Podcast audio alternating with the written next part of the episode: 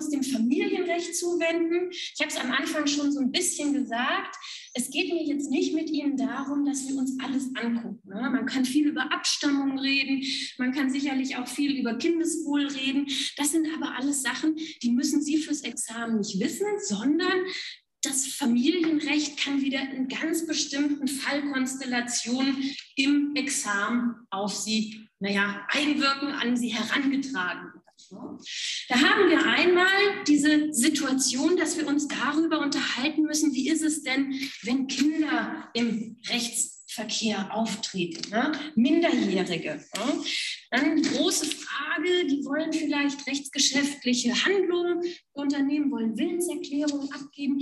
Sind sie da auf die Vertretung ihrer Eltern angewiesen? In welchem Umfang?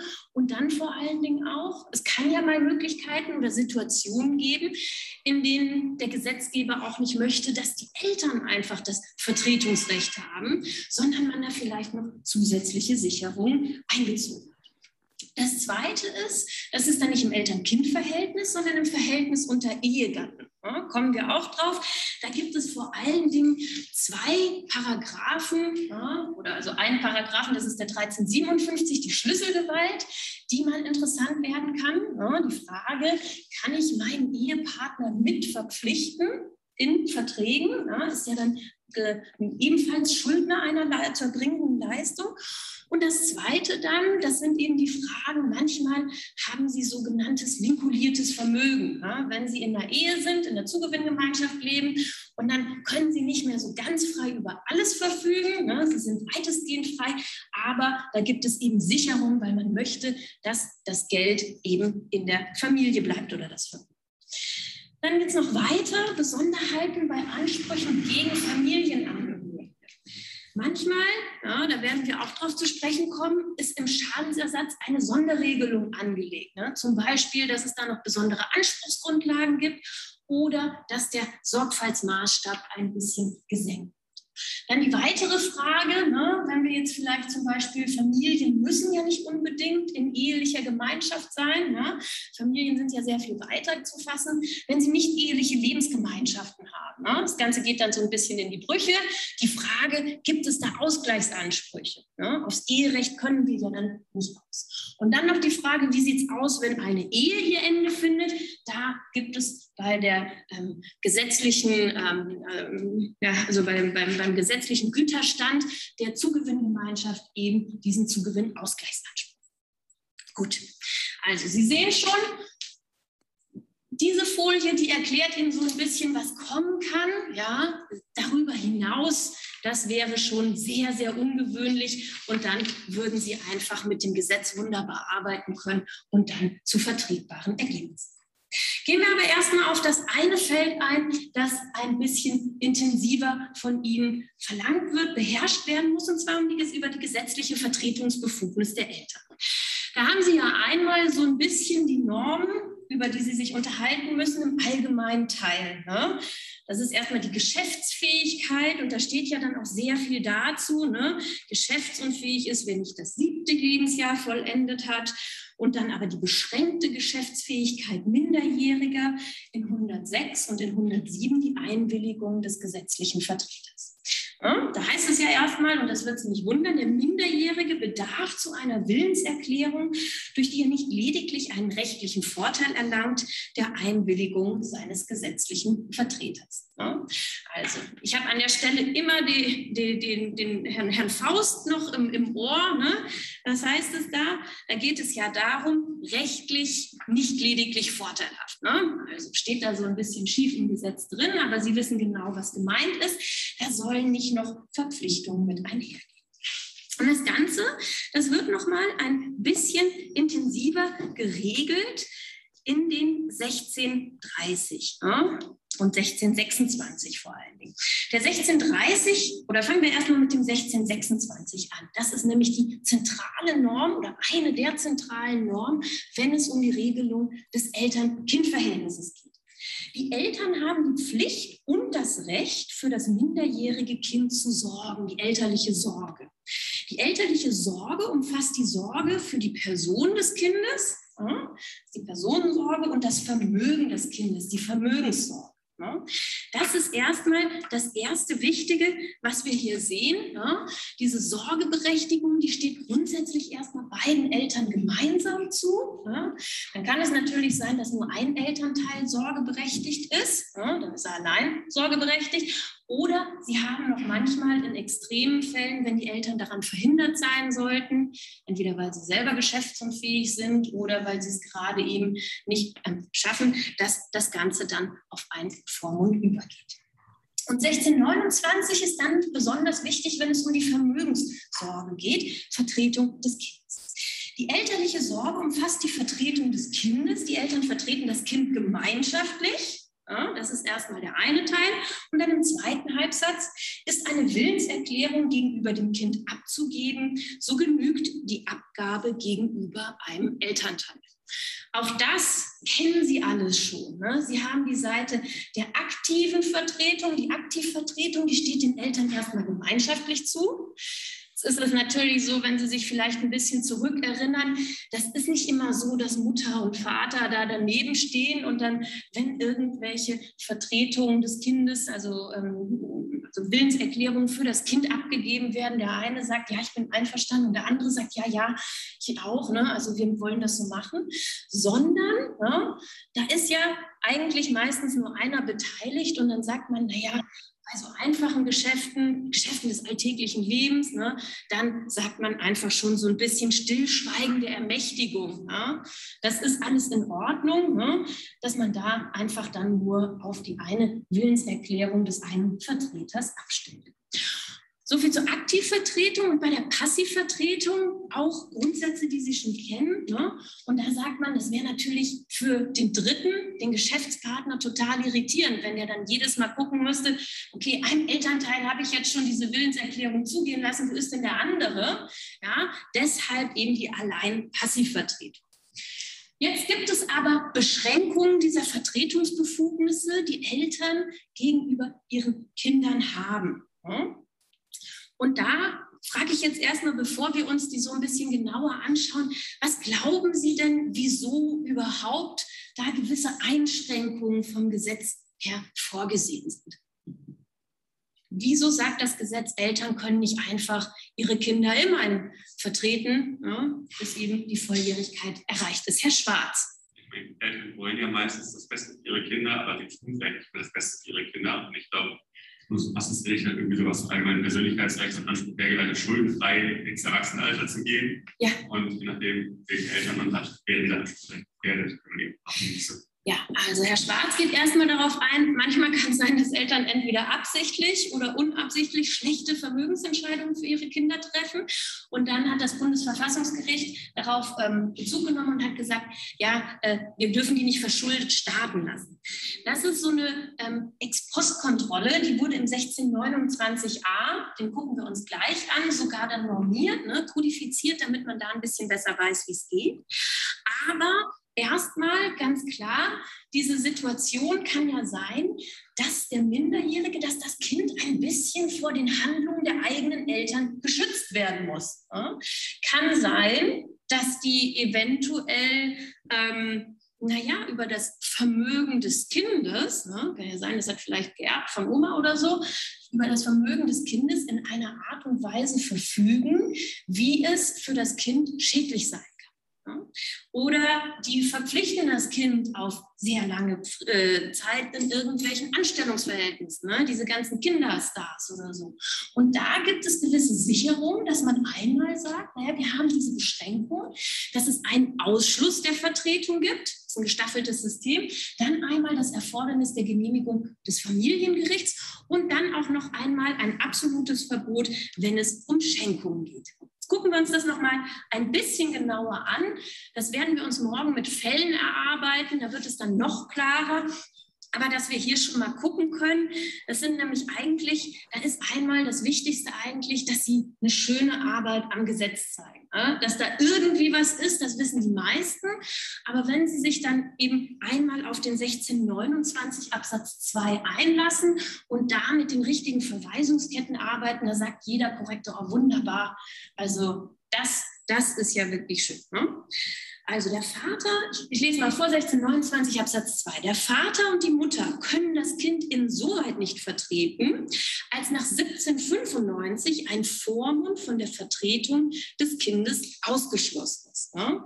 Vormundschaft, das ist eben in den Fällen erstmal, das ähm, regelt das Gesetz, ist vorgesehen, wenn die Eltern eben ähm, nicht in der Lage sind, ne, selbst die Sorge für die Kinder zu tragen. Also nur damit Sie das wissen, Sie werden dann sozusagen in dieses gesetzliche Regime, das eigentlich für so Leute, die da eben von Familiengerichten eingesetzt werden, so ähm, verwiesen. Das wirkt erstmal ein bisschen komisch vielleicht. Wieso gehen wir denn jetzt eigentlich auf diese viel spezielleren und selteneren Normen ein? Aber da steht es also 1795, der redet jetzt über den Ausschluss der Vertretungsmacht des Vormundes. Und da können Sie sich ja denken, durch die Verweisung müssen Sie jetzt sagen, okay, geht halt nicht um den Vormund, sondern wir gucken ja jetzt auf die Elternstellung. Ne? Der Vormund kann den Mündel nicht vertreten beim Rechtsgeschäft zwischen seinem Ehegatten, seinem Lebenspartner oder einem seiner Verwandten in gerader Linie. Ne? A, könnte sein, dass der vielleicht gar nicht das beste Interesse hat, sondern irgendwie in Interessenkollisionen kommt. Bei einem Rechtsgeschäft, das die Übertragung oder Belastung einer durch Pfandrecht und so weiter gesicherten Forderung hat, ja, da könnte er sich große Sicherheiten begeben. Das ist auch nicht so richtig gut. Ja, und bei einem Rechtsstreit. Ne? Und dann die wichtige Norm der 1795 Absatz 2, die Vorschrift des 181 bleibt unberührt. Was heißt das erstmal? Was ist denn im 181 geregelt? Wir können den auch gemeinsam aufschlagen, wenn Sie wollen, Frau Spannecke. Es geht um den Sichtgeschäfte, also letztlich, dass ein ähm, Elternteil nicht mit sich selbst und mit dem Kind in Vertretung des Kindes äh, ja, also diese In-sich-Geschäfte, die eben vermeiden wollen, dass da irgendwie eine Person auf Vertreterseite und eben auf der anderen Seite tätig wird. Und dieser 195 Absatz 2, der sagt, ja, der findet weiterhin Anwendung. Das heißt, Sie müssen sich auch in dieser Konstellation, es gibt vielleicht ein Rechtsgeschäft zwischen einem Vater oder einer Mutter und einem Kind, fragen, ob dieser Vater, diese Mutter eben äh, ein In-sich-Geschäft tätigt. Ne? Und dann, ob das ausnahmsweise erlaubt sein könnte. Ne? Machen wir Fälle zu, da verweise ich so ein bisschen auf morgen. Das zweite ist, eine andere Sicherung, die eben das Gesetz eingesetzt hat, ist, dass man sagt, naja, wir gehen jetzt einmal auf den 1643 ja, und gucken dann, sagen, da gibt es keinen Ausschluss der Vertretung, aber gewisse genehmigungspflichtige Rechtsgeschäfte. 1643. Zu den Rechtsgeschäften für das Kind bedürfen die Eltern der Genehmigung des Familiengerichts in den Fällen, in denen nach 1821 und nach 1822 und jetzt wichtig, Nummer 1, 3, 5, 8 bis 11 ein Vormund der Genehmigung bedarf. Auch da wieder eine zusätzliche Sicherung, dass das Familiengerecht eingeschaltet ist und dann aber nur die Verweisung in ganz speziellen Fällen.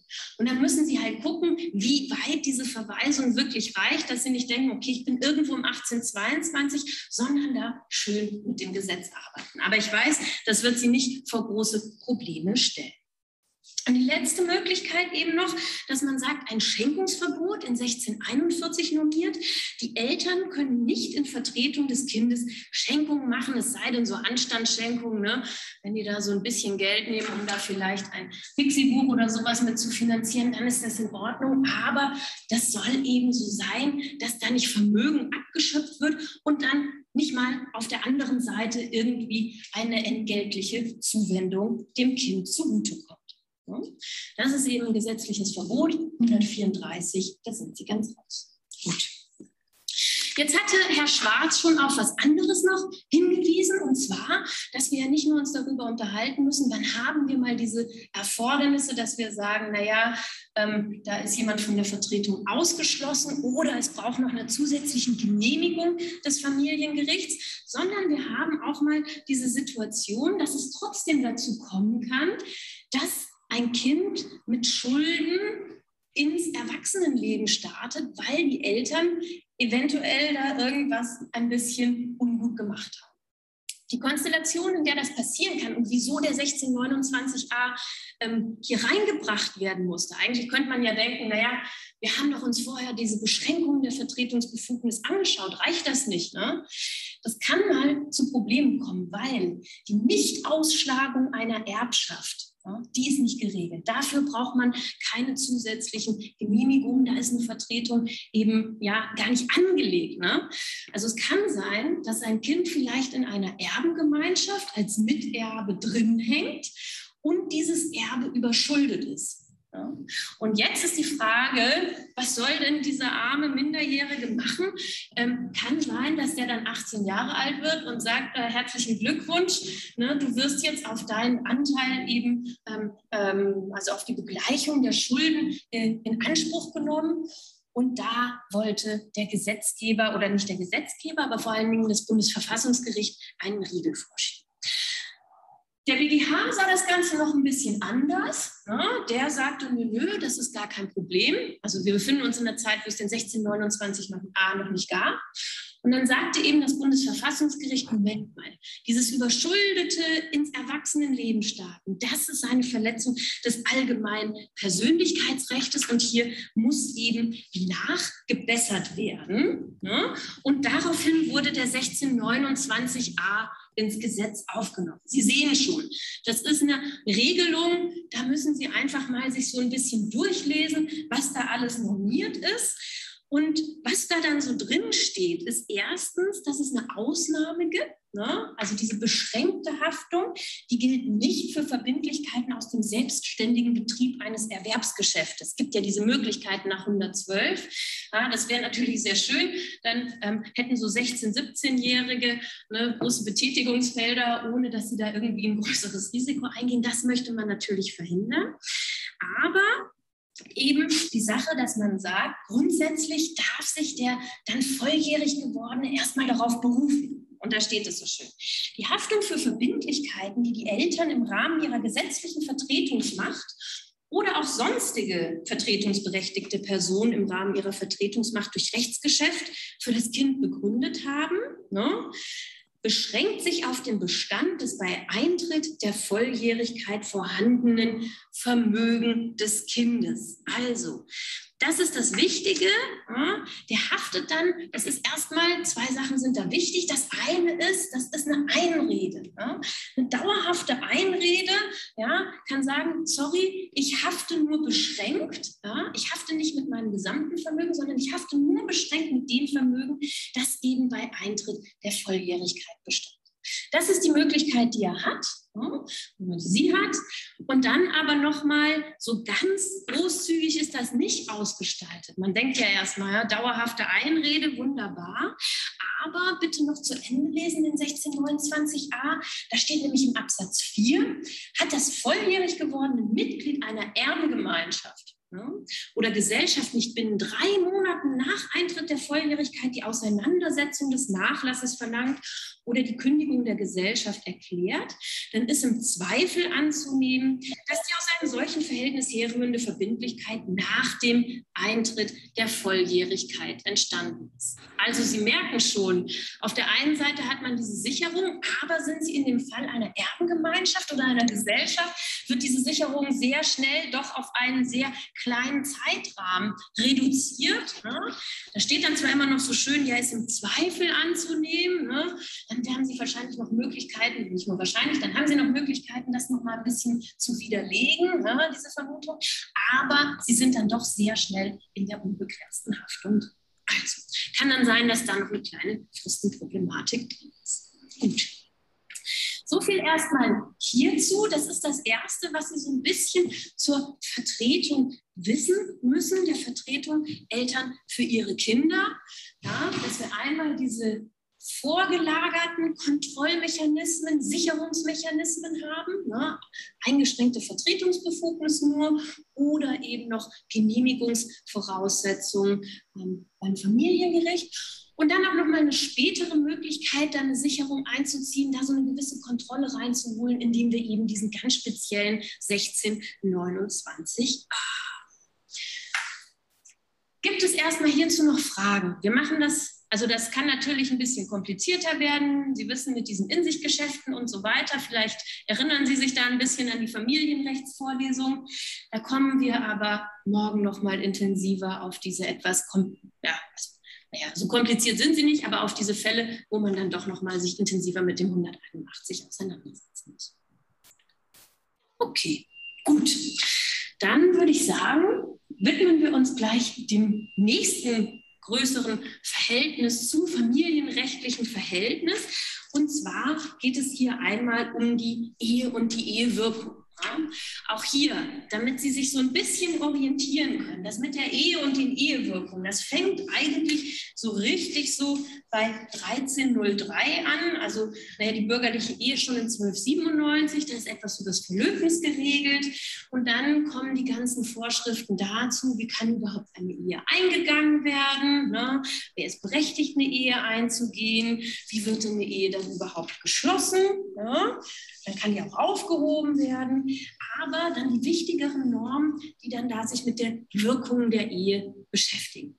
Und da gibt es eine, ja, ich weiß gar nicht, ob die so intuitiv an, also, also zugänglich ist, eine gewisse Unterscheidung, die da im Eherecht getroffen wird, dass man nämlich einmal sagt, Titel 5, 1353 folgende, Wirkung der Ehe im Allgemeinen.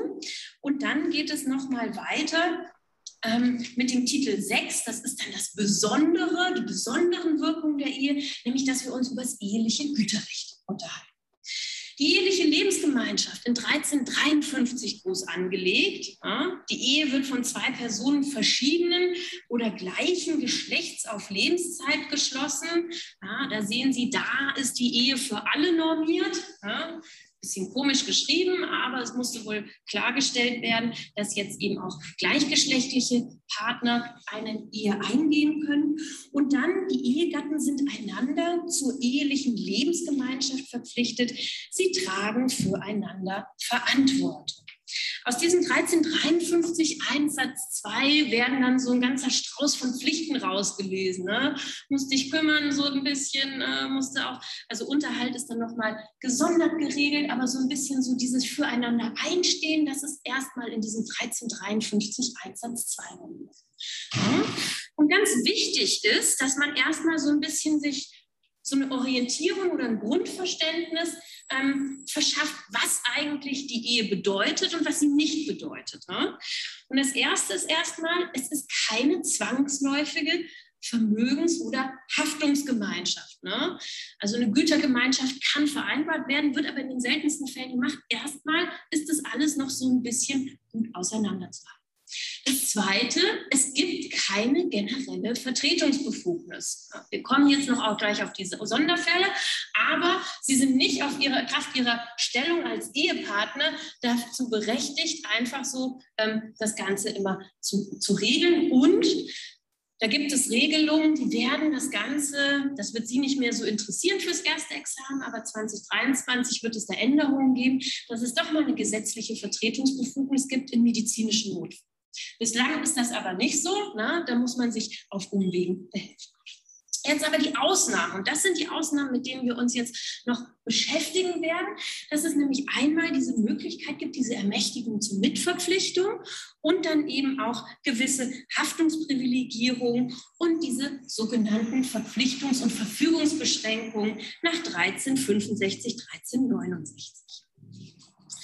Fangen wir mal an mit einer Norm, die Ihnen vielleicht noch bekannt vorkommt. Ich bin gerade am Überlegen, vielleicht hatten Sie damals eine Klausur geschrieben zum 1357. Der 1357, der sagt ja erstmal Geschäfte zur Deckung des Lebensbedarfs, die Schlüsselgewalt. Ja? Jeder Ehegatte ist berechtigt, Geschäfte zur angemessenen Deckung des Lebensbedarfs der Familie mit Wirkung auch für den anderen Ehegatten zu besorgen. Durch solche Geschäfte werden beide Ehegatten berechtigt und verpflichtet, es sei denn, dass sich aus den Umständen etwas anderes ergibt. Bevor wir uns damit beschäftigen, was die Voraussetzungen und die Wirkungen dieses Paragraphen sind, Erinnern Sie sich noch oder haben Sie vielleicht so eine Idee, wieso das da eigentlich so geregelt ist, dass man auch ähm, den anderen ähm, berechtigen und verpflichten kann? auch für den anderen Ehegatten zu besorgen. Ja, Herr Liebermann. Früher war das ja noch sehr paternalistisches ähm. Verständnis von der Ehe, dass eben die Frau zu Hause geblieben ist, regelmäßig kein eigenes Einkommen hatte und dann in, in, in eigener Verantwortung den Haushalt führen musste, da kein Mittel für hatte und dann, um das zu können, brauchte man eben einen zweiten solventen Schuldner und das war dann regelmäßig der berufstätige Ehemann und jetzt wurden natürlich die Bezeichnung Mann und Frau da ähm, ausgeändert, also jetzt ist der geschlechtsneutral formuliert, aber glaube, das ist so die, die Ratio dahinter. Und weil sich sonst auch der Ehemann oder jetzt der, der andere Ehegatte treuwidrig verhalten würde, weil er ohnehin für den Unterhalt sorgen muss, dann kann er auch direkt im Außenverhältnis als, als zweiter Schuldner. Ja, also, das ist das, was da so ein bisschen dahinter steht, ne? dass man gesagt hat, früher war das so, ja, die Frauen, die konnten nicht einfach so im, im Geschäftsleben gut auftreten. Ne? Dann hieß es, ne, die sind die finanziellen Mittel vielleicht gar nicht da und so weiter und so fort. Um, und um die in die Lage setzen zu können, ne, auch da für den, für den Hausstand da gewisse ähm, Rechtsgeschäfte zu tätigen, musste eben geklärt werden, weil es steht auch noch der solvente Mann dahinter, der das Ganze eben regeln kann. Das hat sich natürlich jetzt so ein bisschen überdauert. Ja. Jetzt fragt man sich an sich, also wenn man es mal so ganz unvoreingenommen liest, und das ist auch die kritische Leseart, kann man sagen, was soll das denn? Ne? Also eigentlich sollte man immer nur mit Ehepartnern Geschäfte eingehen, weil dann hat man immer gleich zwei, ne? die, die einem da haften. So ist das aber nicht gemeint, sondern die Idee ist, dass man einmal sagt, ja, ähm, was damit eigentlich geregelt werden soll, ist, dass man sagt, 1360, Verpflichtung zum Familienunterhalt.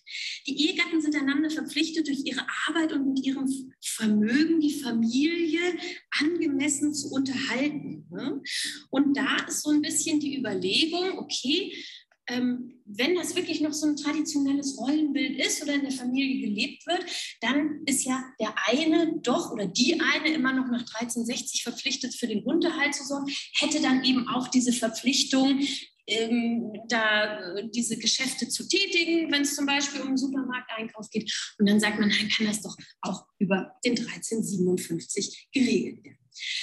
Man kann die Norm sehr kritisch sehen. Das ist für Sie ja jetzt erstmal nicht weiter relevant, weil es ist noch geltendes Recht und Sie müssen mit dem 1357 arbeiten. Jetzt erstmal die Voraussetzung. Die Voraussetzung erstmal, Sie brauchen eine wirksame Eheschließung. Das wird in den seltensten Fällen problematisch sein, aber an der Stelle vielleicht mal zu klären sein. Und dann gucken Sie da einfach in diesen Teil, der das regelt und werden zu guten Ergebnissen. Dann brauchen Sie ein Geschäft zur angemessenen Deckung des Lebensbedarfs. Auch hier hm, ein ausfüllungsbedürftiger ähm, Rechtsbegriff. Na, was ist angemessene Deckung des Lebensbedarfs? Das ist erstmal alles, was nach den persönlichen Verhältnissen dieser Ehe ja, als angemessen anzusehen ist. Ja. Leben die auf großem Fuß, kann es schicker sein, eher kleiner Fuß, ne, dann werden die da ein bisschen zurückhaltender anzusehen. Und man kann sich da ein bisschen dran orientieren, eben an diesen 1360 und sich fragen, wie sieht das denn aus? Ist das denn vom Unterhalt? Ne? Wäre einer der Ehepartner unterhaltsrechtlich verpflichtet, das sozusagen beizustellen? Das ist einmal alles, was der Familie dieser Ehe zum Leben einmal zustehen soll. Das kann aber auch mal sein, dass es sich nur um den persönlichen Bedarf für einen der beiden Ehepartner Na, dann fragt man immer, was ist das? Reden wir jetzt hier über Anzüge oder irgendwelche schicken Schuhe? Nein, die Fälle, die re relevant sind, na, da geht es dann eher um Krankenhausbehandlungskosten. Solche Geschichten, die nur einer Person erstmal zugutekommen. Na. Auch das können Geschäfte zur angemessenen Deckung des Lebensbedarfs sein, wenn man sagt, ja, diese Behandlung wird jetzt erstmal übernommen. Was nicht dazu gehört, sind größere Geschäfte, die auch so ein bisschen zurückgestellt werden können. Ja, ne? sagt man da, das ist vielleicht jetzt nicht mehr so angemessene Deckung des Lebensbedarfs, geht darüber hinaus oder die der bloßen Vermögensverwaltung Jetzt haben wir, sehen Sie ja schon, noch die weitere Voraussetzung, dass es heißt, kein Ausschluss. Das heißt, Sie sind nicht immer dran gebunden. Und da gucken wir mal, was gibt es da für Möglichkeiten. Der erste Ausschluss, den hatte ich Ihnen ja schon genannt, es sei denn, dass sich aus den Umständen etwas anderes ergibt. Ne, was könnte das denn zum Beispiel sein? Haben Sie irgendwie Ideen? Ja? eine Ehegatte ins Geschäft geht und sagt, ich kaufe dir ein Geschenk für den die andere, dann wäre es ja ein bisschen komisch, den jeweiligen dafür auch Genau, also wirklich diese Fälle, so Geschenke werden gekauft und das ist ganz eindeutig, das hat jetzt gar keinen Bezug, ähm, ja, oder, oder man möchte eben nur einseitig verpflichten. Das, das ist eben etwas, ähm, wo man das ganz klar sagen kann, nee, ich möchte das jetzt nur für mich alleine, ja, dann ist das ja auch nach außen ähm, äh, geklärt. Das ist das eine. Dann haben Sie den 1357.2, ne, der geht dann auch so ein bisschen in diese Richtung. Ein Ehegatte kann die Berechtigung des anderen Ehegatten, Geschäfte mit Wirkung für ihn zu besorgen, beschränken und ausschließen. Ne? Und da sagt man, okay, ähm, ja, ich darf das sagen, du, der andere, der darf da eben für mich keine Geschäfte tätigen, ich möchte nicht mit verpflichtet werden. Jetzt aber das Ganze dann an Formvorschriften gekoppelt. Ne?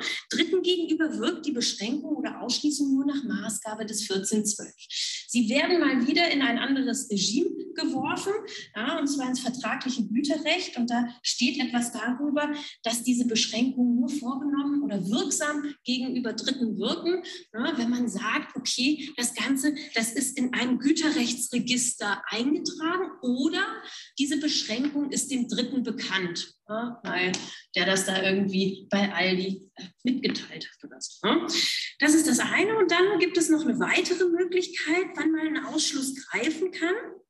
Ja, Absatz 1 gilt nicht, wenn die Ehepartner getrennt leben. Getrennt leben heißt erstmal getrennt ähm, ähm, na, Tisch und Bett, sagt man so ein bisschen. Das Ganze ist schon gescheitert, aber man ist eben noch nicht in einem Scheidungsverfahren, dass man durch eine Scheidung voneinander eben getrennt ist da ist auch klar, was die Motivation des Gesetzgebers dahinter ist. Ne? Wenn die nicht mehr wirklich zusammen sind, dann soll da eben auch nicht diese Mitverpflichtung daraus entstehen können. Also, das sind erstmal unsere Möglichkeiten und auch hier werden Sie wunderbar damit zurechtkommen, diesen 1357 zur Anwendung zu bringen.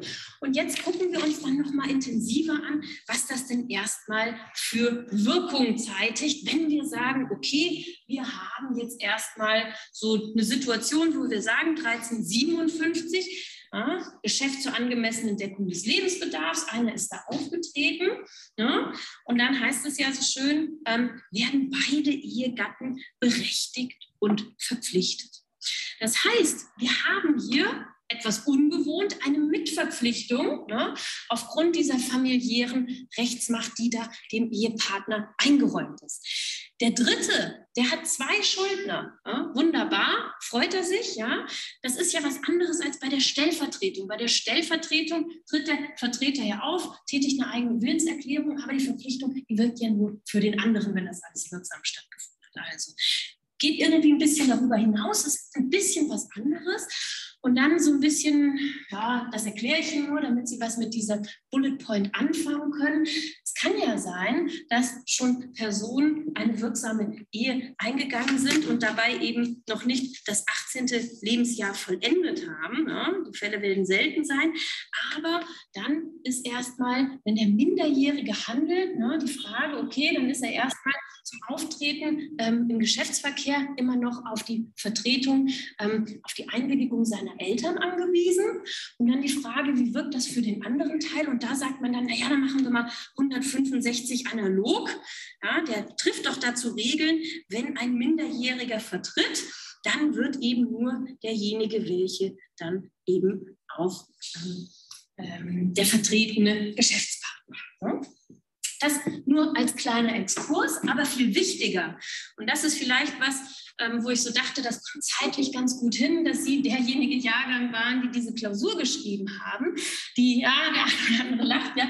Also, dass es nämlich eine große Frage gibt beim 1357, die vor jetzt noch nicht allzu langer Zeit, ne, im Familienrecht tut sich ja auch nicht ständig was, äh, einmal den BGH beschäftigt hat und wo in der Grundsatzentscheidung so ein bisschen ähm, die Flöcke eingerammt hat.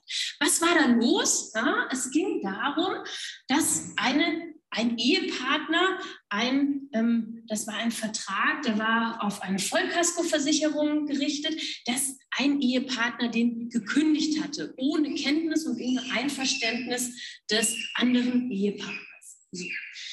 Und jetzt ein bisschen die Frage, wir haben ja gesagt, ne, nach dem 1357, ein Ehepartner kann den anderen Ehepartner mitberechtigen, mitverpflichten. Und die Frage, wie sieht das denn aus? Hat ein Ehepartner auch eine isolierte Gestaltungsbefugnis? Kann er sagen, ein Vertrag soll gekündigt werden oder ich mache von einem Rücktrittsrecht Gebrauch. Ich widerrufe jetzt vielleicht einen Fernabsatzvertrag. Sind das Möglichkeiten, die ein Ehepartner der Gestalt vornehmen kann, dass auch der andere Ehepartner von dieser isolierten, von den Wirkungen dieser isolierten Gestaltungsbefugnis betroffen. Ne? Und hier gehen wir einmal auf den 351 ein, damit wir mal diesen Streitstand ein bisschen besser verstehen können. 351 hat das Ganze nämlich fürs Rücktrittsrecht geregelt. Unteilbarkeit des Rücktrittsrechts. Sind bei einem Vertrag auf der einen oder der anderen Seite mehrere beteiligt, ne? wir haben ja unsere beiden Ehepartner, so kann das Rücktrittsrecht nur von allen und gegen alle ausgeübt werden. Und jetzt die Frage, soll diese Rechtsgedanke eben hier äh, Anwendung finden? Ist das etwas, wo wir sagen müssen, nee, dann müssen eben auch beide Ehepartner zum Beispiel die Kündigung erklären? Dann sagen die einen, ja, das liest sich doch aus dem 351 raus. Und dann haben andere gesagt, das passt doch nicht auf unsere Situation. Ja? Wir haben zwar so eine Situation, wo wir hier als Gesamtschuldner die beiden Ehepartner auflaufen haben lassen. Wir sagen auch, das sind eigentlich auch Gesamtgläubiger, aber diese Beziehung, die Ehepartner zueinander haben, die ist ja eine andere, als wenn sich zwei Personen im rechtsgeschäftlichen Bereich auf Seiten ähm, ähm des, also auf Schuldner- und Gläubigerseite irgendwie zusammentun. Und deswegen müsste man sagen, na ja, das aus dem 351 ist gar nicht so viel für uns herauszulesen. Deshalb ähm, die Möglichkeit zu sagen, ja, auch eine isolierte Gestaltungsbefugnis, ähm, das ist doch viel näher an dem Sinn und Zweck des 1357 dran. Der BGH der hat sich jetzt eben dieser zweiten Meinung angeschlossen, hat sich positioniert und sagt, ja, isolierte Gestaltungsbefugnis für Gestaltungsrechte aber, die auch die Bedarfsgeschäfte des 1357 betreffen.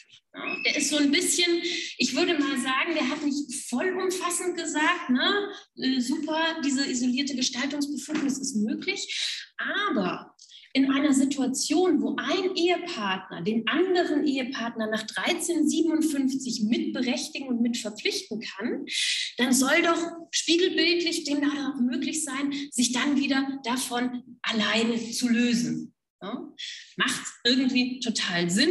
Ja? Und da kann man dann so ein bisschen, es ist im Aufbau ein bisschen schwierig darzustellen, weil Sie ja dann einmal kurz noch darauf eingehen müssen, wie das denn ist ähm, mit der Begründung dieser Verhältnisse ähm, und dass die einmal über 1357 zu verstehen sind und dann aber auf der anderen Seite nochmal darauf einzugehen haben, wie das jetzt mit dieser Gestaltungsbefugnis aussieht. Da sind Sie dann aber auch in der Darstellung etwas freier. Wichtig ist einfach, dass Sie diesen Streitstand kennen und damit gut umgehen können. So, ich möchte nochmal, oder ich frage einmal an der Stelle, gibt es hierzu Fragen? Weil das ist sozusagen eine der großen familienrechtlichen Fragestellungen, die mir eventuell mal begegnen kann.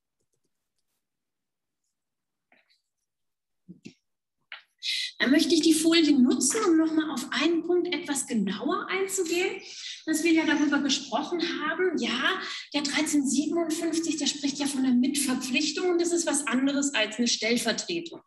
So, jetzt ist die Frage, die so ein bisschen im Raum steht, Ehepartner könnten sich doch auch überlegen, dass sie sagen, ja, ähm, kann ja auch sein, ähm, ich ähm, bringe vielleicht das Fahrrad von meinem Mann zur Reparatur ja, und dann sage ich, ja, der hat mich hier hingeschickt, ja, äh, irgendwas ist mit den Bremsen nicht in Ordnung, ich soll, der, also das soll für ihn repariert werden, das sollte ich ihm ausrichten. Ne?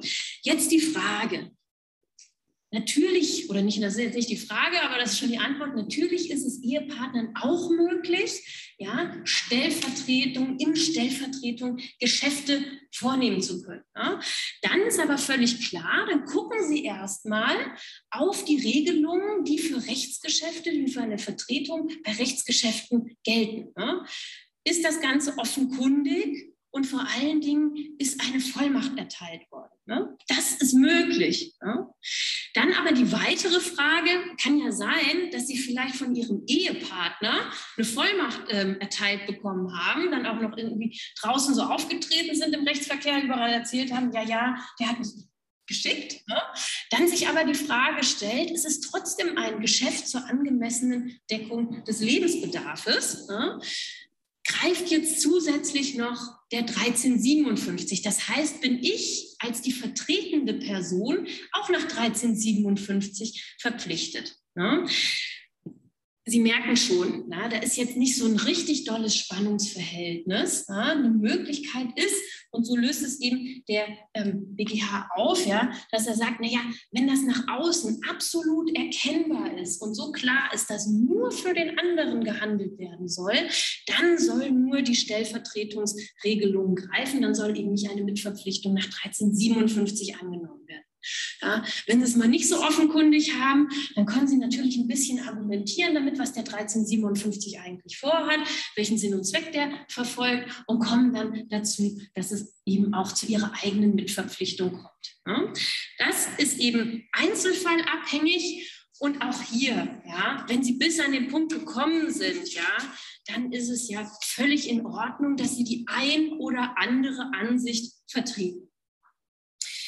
Nochmal zu den Wirkungen. Die Wirkungen, die hier angezeigt sind, die sind Ihnen ja schon weitestgehend klar. Wir haben einmal eben diese Gesamtschuldnerschaft und dann auf der anderen Seite, es geht ja auch um eine gemeinschaftliche Berechtigung, oder nicht eine gemeinschaftliche, sondern eine, ähm, äh, eine Mitberechtigung, ähm, äh, nämlich dass wir sagen, das sind auch als Gesamtgläubiger die beiden Ehepartner miteinander verbunden. Das heißt, jeder kann einzeln, jeder der Ehepartner kann einzeln die gesamte Leistung verlangen. Ne? Macht ja auch total Sinn. Auf der einen Seite sagen wir, wenn wir von Gesamtschuldnern ausgehen, dann macht es Sinn, die auch als Gesamtgläubiger anzusehen. Und vor allen Dingen für den Dritten wäre es total misslich, wenn er nur an beide gemeinsam erfüllend leisten könnte. Ja, dann wären wir wieder in diesem Problem, wie wollen wir das Ganze denn eigentlich ähm, konstruieren, wenn es darum geht, eben so ein bisschen den einen zu ermächtigen, dass er schön im Rechtsgeschäftsleben auftreten kann und dann aber eben auf der Leistungsseite, ne, auf der, der Seite, wo man dann eben da die Früchte eines Rechtsgeschäftes sozusagen tragen kann, dann da wieder rausgenommen wird aus der Einzel, ähm, naja, aus der einzelnen Befugnis, das alleine irgendwie zu erhalten, dann wäre das Ganze ja so ein bisschen widersinnig. Gut. Gucken wir mal weiter. Es gibt nämlich noch eine weitere Frage. Wir haben ja gesagt, das Ganze erstmal 1357, dann wird auch der andere Teil berechtigt und verpflichtet gibt noch einen weiteren Streitstand, der beim 1357 angesiedelt ist, nämlich die Frage, naja, wie sieht es denn aus mit dinglichen Wirkungen? Ja?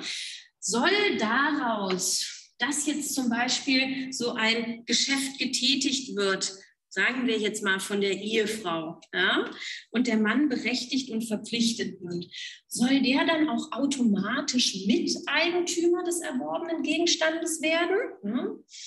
Sagen wir mal, es wurde irgendwie eine neue Fußmatte ja, für äh, den Eingangsbereich gekauft, ja, auch nicht zu teuer, ist alles von 1357 erfasst.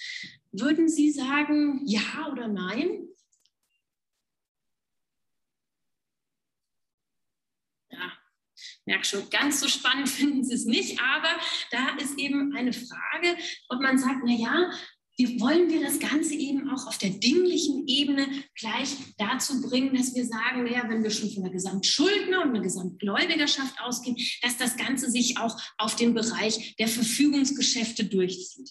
Ja, und dann sagen die einen, ja, das wollen wir doch mal machen, ne? weil sonst jetzt wieder diese kritische Leseart des 1357, sonst haben wir doch das Problem, dass eigentlich nur der Schuldner privilegiert wird. Ne? Ähm, der ähm, oder der, der, der andere, der Dritte privilegiert wird, der Gläubiger, entschuldigen Sie, der Gläubiger natürlich, der dann sagt, super, ich habe zwei Schuldner, ähm, das ist alles, was von 1357 sonst übrig bleibt. Ne? Und der BGH sieht das aber anders. Weil der ja sagt, nein, es geht ja nicht darum, Gläubiger hier zu privilegieren, sondern die Handlungsfähigkeit zu erhalten und die Wertung des Unterhaltsrechts so ein bisschen in diesen ähm, in, nach draußen zu tragen, wenn eben ein Ehepartner für die Familie, für die Ehe nach außen hin auftritt und sagt, nö, grundsätzlich erstmal nicht. Das Ganze ist ja auch in 1357 überhaupt nicht angelegt. Ja, das brauchen wir auch nicht, weil ähm, die, können das doch untereinander dann regeln, die Ehepartner. Ne? Dass man dann sagt, na ja, okay, äh, ich war gerade einkaufen, ich habe die Fußmatte geholt, äh, du sollst Miteigentümer werden. Und das andere natürlich, ja, wir haben ja noch die Möglichkeiten, dass wir sagen können, okay, Miteigentum jedenfalls dann, wenn wir sagen, dass der, der handelnde Ehegatte ähm, dem Ehepartner bereits mit Eigentum verschaffen wollte. Ne? Da gucken Sie einfach so ein bisschen auf die ähm, oder legen das aus, was da die Motivation, die Gedankenlage des handelnden Ehepartners war und dann können Sie da zu vertretbaren Ergebnissen kommen. Ja, meistens können Sie sagen, entweder ich mache das einfach schon mal so, ja, ich will jetzt hier für uns beide das holen ne, und dann nehmen Sie die Fußmatte in Empfang und dann ist allen klar, ja, wollte Miteigentum verschaffen. Oder Sie sagen eben, naja, spätestens in dem Moment, wo die zu Hause sind und das hingelegt wird und sie sagt, Schatz, ich habe da was geholt und er sagt, schön, dann ist es eben dann im Miteigentum. Frau Schwannecke. Wenn sich automatisch Miteigentum entsteht und man jetzt nicht so eine Situation hat, wo man das irgendwie so rausnehmen kann, erwirbt der mitverpflichtete Ehegatte in irgendeiner Form ein Anspruch auf Einräumung von Miteigentum? Ja, eine sehr gute Frage. Die Frage, die Frau Schwannecke stellt, ist, hat denn der ähm, andere Ehepartner, der jetzt mitberechtigt und mitverpflichtet ist, aber vielleicht noch überhaupt keine Eigentumsposition, keine Besitzposition hat, ähm, hat er Ansprüche, dass ihm diese Position eingeräumt wird? Ja, nicht in jedem Fall, aber in den Fällen, in denen man sagen kann, das lässt sich aus 1353 Absatz 1 Satz 2 ableiten. Ne? Wenn wir sagen, das gehört so ein bisschen dazu, dass wir gegenseitig füreinander einstehen, und dann kann schon sein, ne, ich habe auch ein Recht zum Besitz, ne? Äh, du darfst jetzt nicht hier ganz alleine die ganze Zeit fernschauen, sondern ich bin auch berechtigt, ich darf da auch meinen Miteigentumsanteil haben, der gehört mir genauso wie dir. Gut, an der Stelle würde ich jetzt mal eine Pause machen, in einer Viertelstunde weitermachen. Da geht es dann noch so ein bisschen intensiver um Besitz und Eigentum bei den Ehegatten und dann ums vinkulierte Vermögen. Und dann gucken wir noch mal ein bisschen intensiver auf die Kinder. Gut, noch eine Frage. Ja. Ich wollte noch kurz fragen, wie das der BGH dogmatisch vollzieht mit dem Miteigentum dann am Hausrat. Also ist es dann bekommt dann erst der eine Ehegatte Volleigentum und die übereignet dann den Miteigentumsanteil oder ja, genau. Stellvertretung? Ja, der, also das, ähm, ich würde es fast auf nach die Pause verlegen, weil wir genau eine Folie dazu haben, wie das Ganze konstruiert wird dann, dass das Miteigentum eingeräumt wird. Ja, aber so läuft das dann. 29 folgende finden ganz normal auch unter Ehepartnern Anwendung. Okay, gut. Dann würde ich jetzt einmal die Aufzeichnung stoppen und dann sehen wir uns in 15 Minuten wieder. Ihnen und weil wahrscheinlich auch der eine oder andere zu Hause schon vom Computer sitzt. Okay, gut. Sie sehen hoffentlich, jetzt muss ich einmal kurz noch mal fragen an Sie, die zu Hause sind, Sie sehen weiterhin die PowerPoint-Folien, ja? Okay, wunderbar. Gut, dann können wir nämlich da weitermachen, dass wir uns da mal so ein bisschen noch gucken, anschauen können, naja, wie sieht es denn aus? Besitzverhältnisse zwischen den Ehegatten. Wir hatten ja gerade da ein bisschen noch drüber gesprochen. Wie heißt das? Was heißt das denn, wenn wir beim 1357 sind? Ja, 1357. Ähm, einmal, ich muss einmal noch mal kurz was fragen. Genau, die Aufzeichnung wird weiter aufgezeichnet. Okay, das läuft. Entschuldigen Sie, nicht, dass es da jetzt irgendwie ein Problem. Wunderbar. Also wir hatten beim 1357 uns da ja drüber unterhalten, hatten gesagt, dingliche Wirkung, ja, nein, das wird unterschiedlich beurteilt, aber in der Tendenz eher, dass wir sagen, nein, dingliche Wirkung soll das Ganze eben nicht zeitigen. Und jetzt eben die Frage nochmal, die sich ja da so im Anschluss stellt und die Sie ja auch schon hatten, wie sieht das denn generell aus bei Besitz und Eigentum zwischen den Ehepartnern? Grundsätzlich erstmal, Sie gehen da erstmal aufs ganz normale Sachenrecht. Ne?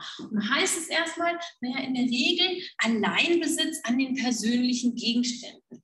Wenn Sie da Ihre Klamotten haben oder vielleicht Schmuck oder Bücher, die Ihnen besonders zusagen, ne, ähm, äh, dann ist das erstmal, erstmal in Ihrem Alleinbesitz. Ne? Dann geht es aber ja weiter, dass man sagen kann, es gibt ja auch ganz viel, ne, wenn Sie so eine gemeinsame Bibliothek haben oder Sie denken an das Geschirr, das da in der Küche steht. Ne? Die Frage, wie sieht es denn damit aus? Und dann auch hier ergibt sich ja eigentlich von alleine, dass man sagt, okay, Mitbesitz, Mitbesitz an den Gegenständen, die gemeinsam gebraucht werden. Ne? Das heißt, dieser Mitbesitz, der umfasst natürlich auch die Wohnung und jetzt nicht nur die beweglichen Gegenstände. Jetzt die Frage, naja, wie wird denn dieser Besitz, dieser Mitbesitz überhaupt ausgeübt? Und da gibt es eine etwas, naja, ich würde nicht sagen seltsam anmutende Konstruktion, aber man sagt, eine Person, ein Ehepartner, der übt nicht nur den Besitz für sich selber aus, ja, den Eigenbesitz, sondern zeitgleich auch noch den Fremdbesitz für den Ehepartner, ja, diesen Mitbesitz. Und das Ganze wird daraus konstruiert, dass man sagt, na ja, dieses 1353, die Norm, auf die ich schon öfter heute mal hingewiesen habe, aus diesem 1353 lässt sich doch ein gesetzliches Besitzmittlungsverhältnis aus. Also ich besitze nicht nur für mich, sondern ich besitze auch noch für meinen Ehepartner. Das wird da eben drin gesehen.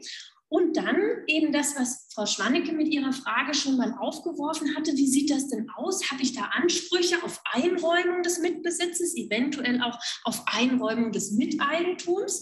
Ja, das vor allen Dingen auf den Besitz, da ist es ja leichter konstruierbar und auch irgendwie zu rechtfertigen, dass man sagt, ja, so ein Anspruch kann sich mal aus 1353 Absatz 1 Satz 2 ergeben. Okay, so viel erstmal zum Besitz. Und wenn wir uns schon mit dem Besitz beschäftigen, dann wird es Sie nicht weiter wundern. Dann gucken wir uns noch mal ein bisschen an, wie es denn mit dem Eigentum, mit den Eigentumsverhältnissen der Ehepartner aussieht. Und dann eben erstmal auch hier wieder die zentrale Weichenstellung, erstmal 9, 29 folgende. Die Ehe hat eben keine besonderen Auswirkungen auf die Eigentumslage. Ja, dass das anders geregelt ist, kommen wir gleich noch zu, wenn wir uns ein bisschen intensiver mit der Gütergemeinschaft beschäftigen. Ne? Und dann, ja, Gebrauchsgegenstände, die können in der Regel zum Miteigentum erworben werden. Das war ja so ein bisschen die Frage, wie können wir das da konstruieren? Sagen, ja, Geschäft für den, den es angeht, oder dass das eben dem anderen gegenüber, dem Veräußerer gegenüber auch so klar und offensichtlich ist, dass das eben zum Miteigentum erworben wird. Wenn dem jetzt aber nicht so ist und Sie haben vielleicht ja, eine ganz normale Situation, dass ein Ehepartner eine Sache hat, die im äh, Eigentum, im eigenen Eigentum steht, ja, ja, irgendwie der Geburtstag steht an und man hat ein Buch gekauft und möchte das jetzt dem anderen Ehepartner schenken und dann natürlich auch auf der dinglichen Ebene ja, die Veräußerung vollziehen, ja, müssen wir uns fragen, wie machen wir das denn? Da gibt es jetzt verschiedene Möglichkeiten und das wird Sie nicht verwundern. Da gehen Sie einfach auf Ihre sachenrechtlichen Grundkenntnisse ein und schauen, wie sieht es denn aus. Ne? 929 Satz 1, wenn es wirklich zur Übergabe dieser beweglichen Sachen kommt. Ja, dann 929 Satz 1, 929 Satz 2, wenn der andere, wenn der Ehepartner vielleicht schon Besitz an der Sache hat, ja, und man selber jeglichen Besitz an dieser Sache aufgibt. Ja? Oder dann natürlich die Möglichkeit, wir haben ja schon darüber gesprochen, ja, wenn wir noch mal eine Folie zurückspringen, dass es hier dieses gesetzliche Besitzmittlungsverhältnis gibt ja, wenn dann nur ähm, Eigentum darüber eingeräumt werden soll, dass man vielleicht eben dieses Besitzmittlungsverhältnis konstruiert und dann eben über den 29 Satz 139 geht und sagt, okay, der Veräußernde, der bleibt eben auch Mitbesitzer, aber das Eigentum soll eben vollständig übergehen. Ja? Also Sie haben da alle Möglichkeiten, das kann kombiniert werden, wie Sie wollen, Mitbesitz, Eigenbesitz. Ja?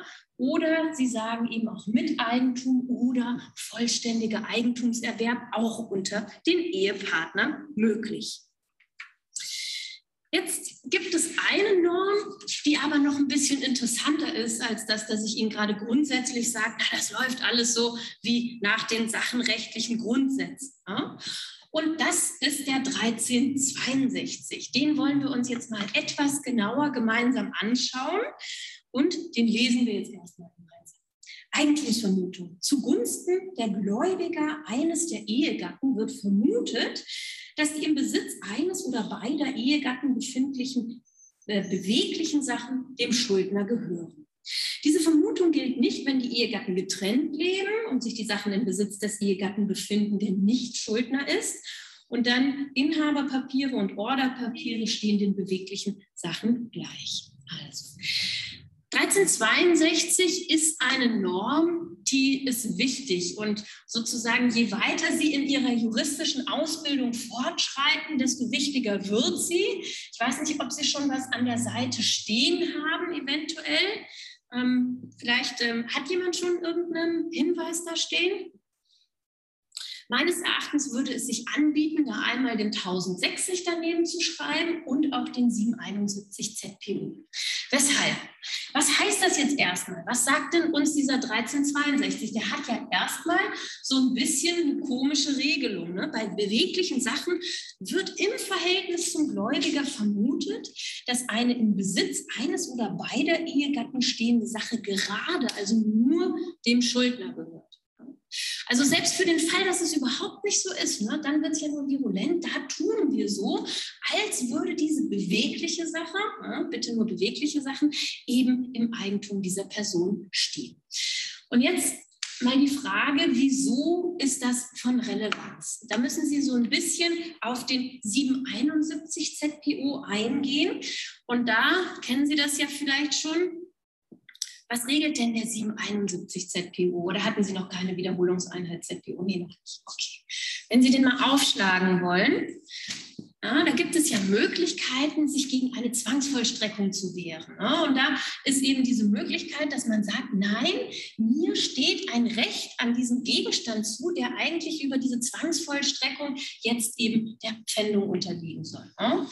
Und diese Möglichkeit, die wäre ja immer schön. Stellen Sie sich vor, ne, der, der, Gerichtsvollzieher kommt, der sieht da so diesen neuen riesengroßen LED-Plasma-Bildschirm, ja, super Teil, und möchte das Ganze jetzt pfänden, weil da eben offene Forderungen sind, die im Rahmen der Zwangsvollstreckung befriedigt werden sollen.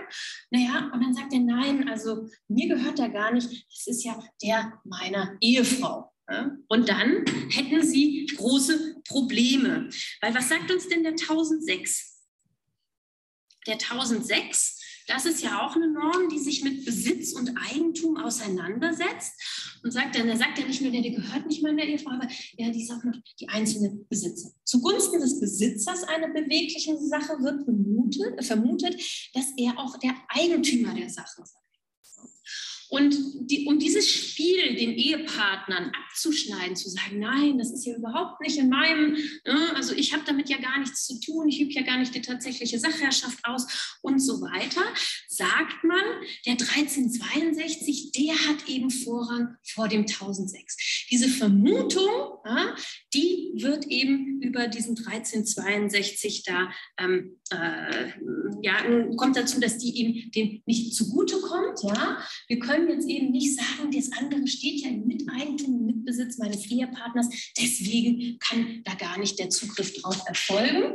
Und dann natürlich die Möglichkeit im 2366, auch hier heißt es ja nur zugunsten der Gläubiger wird vermutet, dass die im Besitz eines oder beider Ehegatten befindlichen beweglichen Sachen dem Schuldner gehören. Auch da natürlich die Möglichkeit, diese Vermutung zu widerlegen, indem gesagt werden kann, naja, das ist irgendwie doch in deinem eigenen, weiß ich nicht, Computerspielzimmer oder so. Es ist völlig klar, dass deine Ehefrau da überhaupt gar nicht irgendwie im Mitbesitz und im Miteigentum dieses Gegenstandes ist.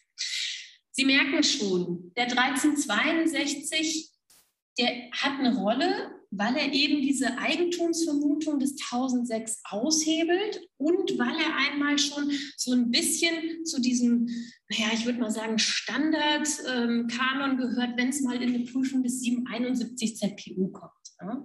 Sie werden jetzt natürlich nicht in der, ähm, also jetzt mal so ähm, eine 771er Prüfung ZPU machen müssen im ersten Examen, aber eventuell könnten sich da ja mal so Zusatzfragen oder sowas anbieten und da sind Sie dann schon für sensibilisiert, dass bei Ehepartnern der 1362 mal eine Rolle spielen kann. Frau Schwanecke. Ja, so anderthalb Fragen. Ähm, einmal beim gutgläubigen Erwerb übernimmt 1362 dann auch quasi die Rolle für den Rechtsschein, also äh, Rechtsschein des Besitzes, wird das dann ja auch für beide gelten? Oder äh, wie verhält er sich ähm, im Rahmen des gutgläubigen Erwerbs gegenüber dem Gläubiger? Ähm, Im gutgläubigen Erwerb spielt ja nicht so eine Rolle. Also da müsste ich jetzt noch mal ein bisschen, um die Frage besser verstehen zu können, fragen. Ähm, äh, also sozusagen die Frage, ob etwas veräußert werden kann, was aber ähm, äh, nur im Miteigentum einer der beiden Personen steht. Ne? Und dann beim Abhandenkommen, ja, aber das sind Fragen, die, die spielen sich dann eher im Sachenrecht ab, ohne dass Sie auf den 1362 da Rekord nehmen müssen. Ja? Ähm, ich hatte mich so ein bisschen dazu noch gefragt, wie das aussieht mit Anwaltschaftsrecht, mhm. Äh, inwiefern 1362 da eine Rolle spielt. Weil ich meine, man sagt ja beim Driving Anwaltschaftsrecht in 2006 ähm, mhm. ist eben Rechtsstand für den Besitz, den man in Anspruch nimmt, also auch ja. Anwaltschaftsrecht wie sieht das jetzt beim 1362 aus? Ja, also die Frage, die Frage ist, wie verhält sich der 1362 zu Anwaltschaftsrechten? Erstens, das einzige Anwaltschaftsrecht, das mir jetzt erstmal in den Sinn kommen würde, wäre jetzt so ein Vorbehalts, ähm, also so ein, ein, ein, ein Kauf unter Eigentumsvorbehalt und dann hat man eben nur das Anwaltschaftsrecht an der beweglichen Sache. Ne? Alles andere, Vormerkung und so weiter, das ist ja nichts, was uns beim 1362 überlegt. Und da würde ich sagen, ja, auch da die Analogie zu ziehen, weil wenn eben auf den 771, auf dieses Anwartschaftsrecht über den 771 zugegriffen wird und das ja beim 1006 genauso zu sehen wird, dass sich daraus dann eben der Schutz des 1006 ergibt, die Vermutung, dann muss auch die Vermutung in dem Umfang über den 1362 widerlegt werden. Okay, gut. Jetzt kommen wir mal zu einem weiteren Thema, jetzt wo Sie den 1362 wieder voll vor Augen haben, dass ich Ihnen ja gesagt hatte, wir haben jetzt erstmal über die allgemeinen Ehewirkungen gesprochen und dann gibt es aber eben noch diese besonderen Ehewirkungen. Die kommen dann ab den 1363 folgende. Und wieso heißen die besondere Ehewirkungen? Weil man da ein bisschen gucken muss, in welchem Güterstand diese Ehe eigentlich geregelt ist. Güterstände, ne, da gibt es einmal die Zugewinngemeinschaft und dann gibt es noch die Möglichkeit, eben durch Ehevertrag entweder Gütertrennung oder Gütergemeinschaft zu, ähm, ja, für sich so festzulegen in der Ehe als diese Güterbestände. Grundsätzlich, ne, also Sie müssen nur wissen, dass es diese unterschiedlichen Güterstände gibt und dass die Zugewinngemeinschaft erstmal diejenige welche ist, die eigentlich als der gesetzliche Normalfall angesehen wird. Ne? Was heißt das denn bei dieser Zugewinngemeinschaft? Da gibt es erstmal so zwei, drei zentrale Punkte, die man sich merken muss und der Rest der, ja, der ergibt sich dann fast daraus, dass man dann mit diesen Grundsätzen zu arbeiten weiß. Also das Erste ist, die Ehegatten leben im Güterstand der Zugewinngemeinschaft, wenn sie nicht durch Ehevertrag etwas anderes vereinbart haben. Und jetzt der wichtige 1363 Absatz 2. Das jeweilige Ehe, der Vermögen der Ehegatten wird nicht deren gemeinschaftliches Vermögen. Dies gilt auch für Vermögen, das ein Ehegatte nach der Eheschließung erwirbt. Der Zugewinn den die Ehegatten in der Ehe erzielen, wird jedoch ausgeglichen, wenn die Zugewinngemeinschaft endet. Also ganz wichtig, ja, nochmal so ein bisschen verstärkt durch den 1364 Vermögensverwaltung. Jeder Ehegatte verwaltet sein Vermögen selbstständig. Ja, wir sind erstmal dabei, die Zugewinngemeinschaft sagt erstmal eigene Vermögensverwaltung, alles bleibt bei den jeweiligen Ehegatten separat. Jeder Ehegatte kann über sein Vermögen auch während der Ehe frei verfügen. Sie sind dann nicht, ähm, also jetzt erstmal im Grundsatz nicht gebunden. Ja? Und die Zugewinngemeinschaft, ne? dieses Füreinander einstehen und dass vielleicht der eine sich mehr um die Kindererziehung gekümmert hat und der andere dafür sich mehr in der Karriere verwirklichen konnte und da vielleicht aber auch mehr ähm, eingenommen hat. Diese Zugewinngemeinschaft zur großen Abrechnung, zum großen Ausgleich kommt erst bei der Beendigung. Ne? So, das ist erstmal das, was die Zugewinngemeinschaft sagt. Und dann ist es aber trotzdem so, dass wir uns vorstellen müssen, naja, auch wenn die große Abrechnung erst am Schluss kommt, diese, von diesem Grundsatz, dass jeder frei über sein Vermögen verfügen kann innerhalb einer Ehe, da werden ganz bestimmte Ausnahmen gemacht. Diese Ausnahmen, die sind Ihnen vielleicht noch von der Grundvorlesung bekannt. Und zwar sind die in den 1365 folgenden geregelt. Da haben wir einmal diese Verfügung über Vermögen im Ganzen und dann haben wir nochmal die Verfügung über Haushaltsgegenstände in den 1369. Ja, und das ist jetzt einmal so ein bisschen der Bereich, in dem Sie dann wieder etwas vertiefte Kenntnisse haben müssen. Die Idee ist nämlich, dass es gewisse Beschränkungen für diese Verfügungsbefugnisse gibt.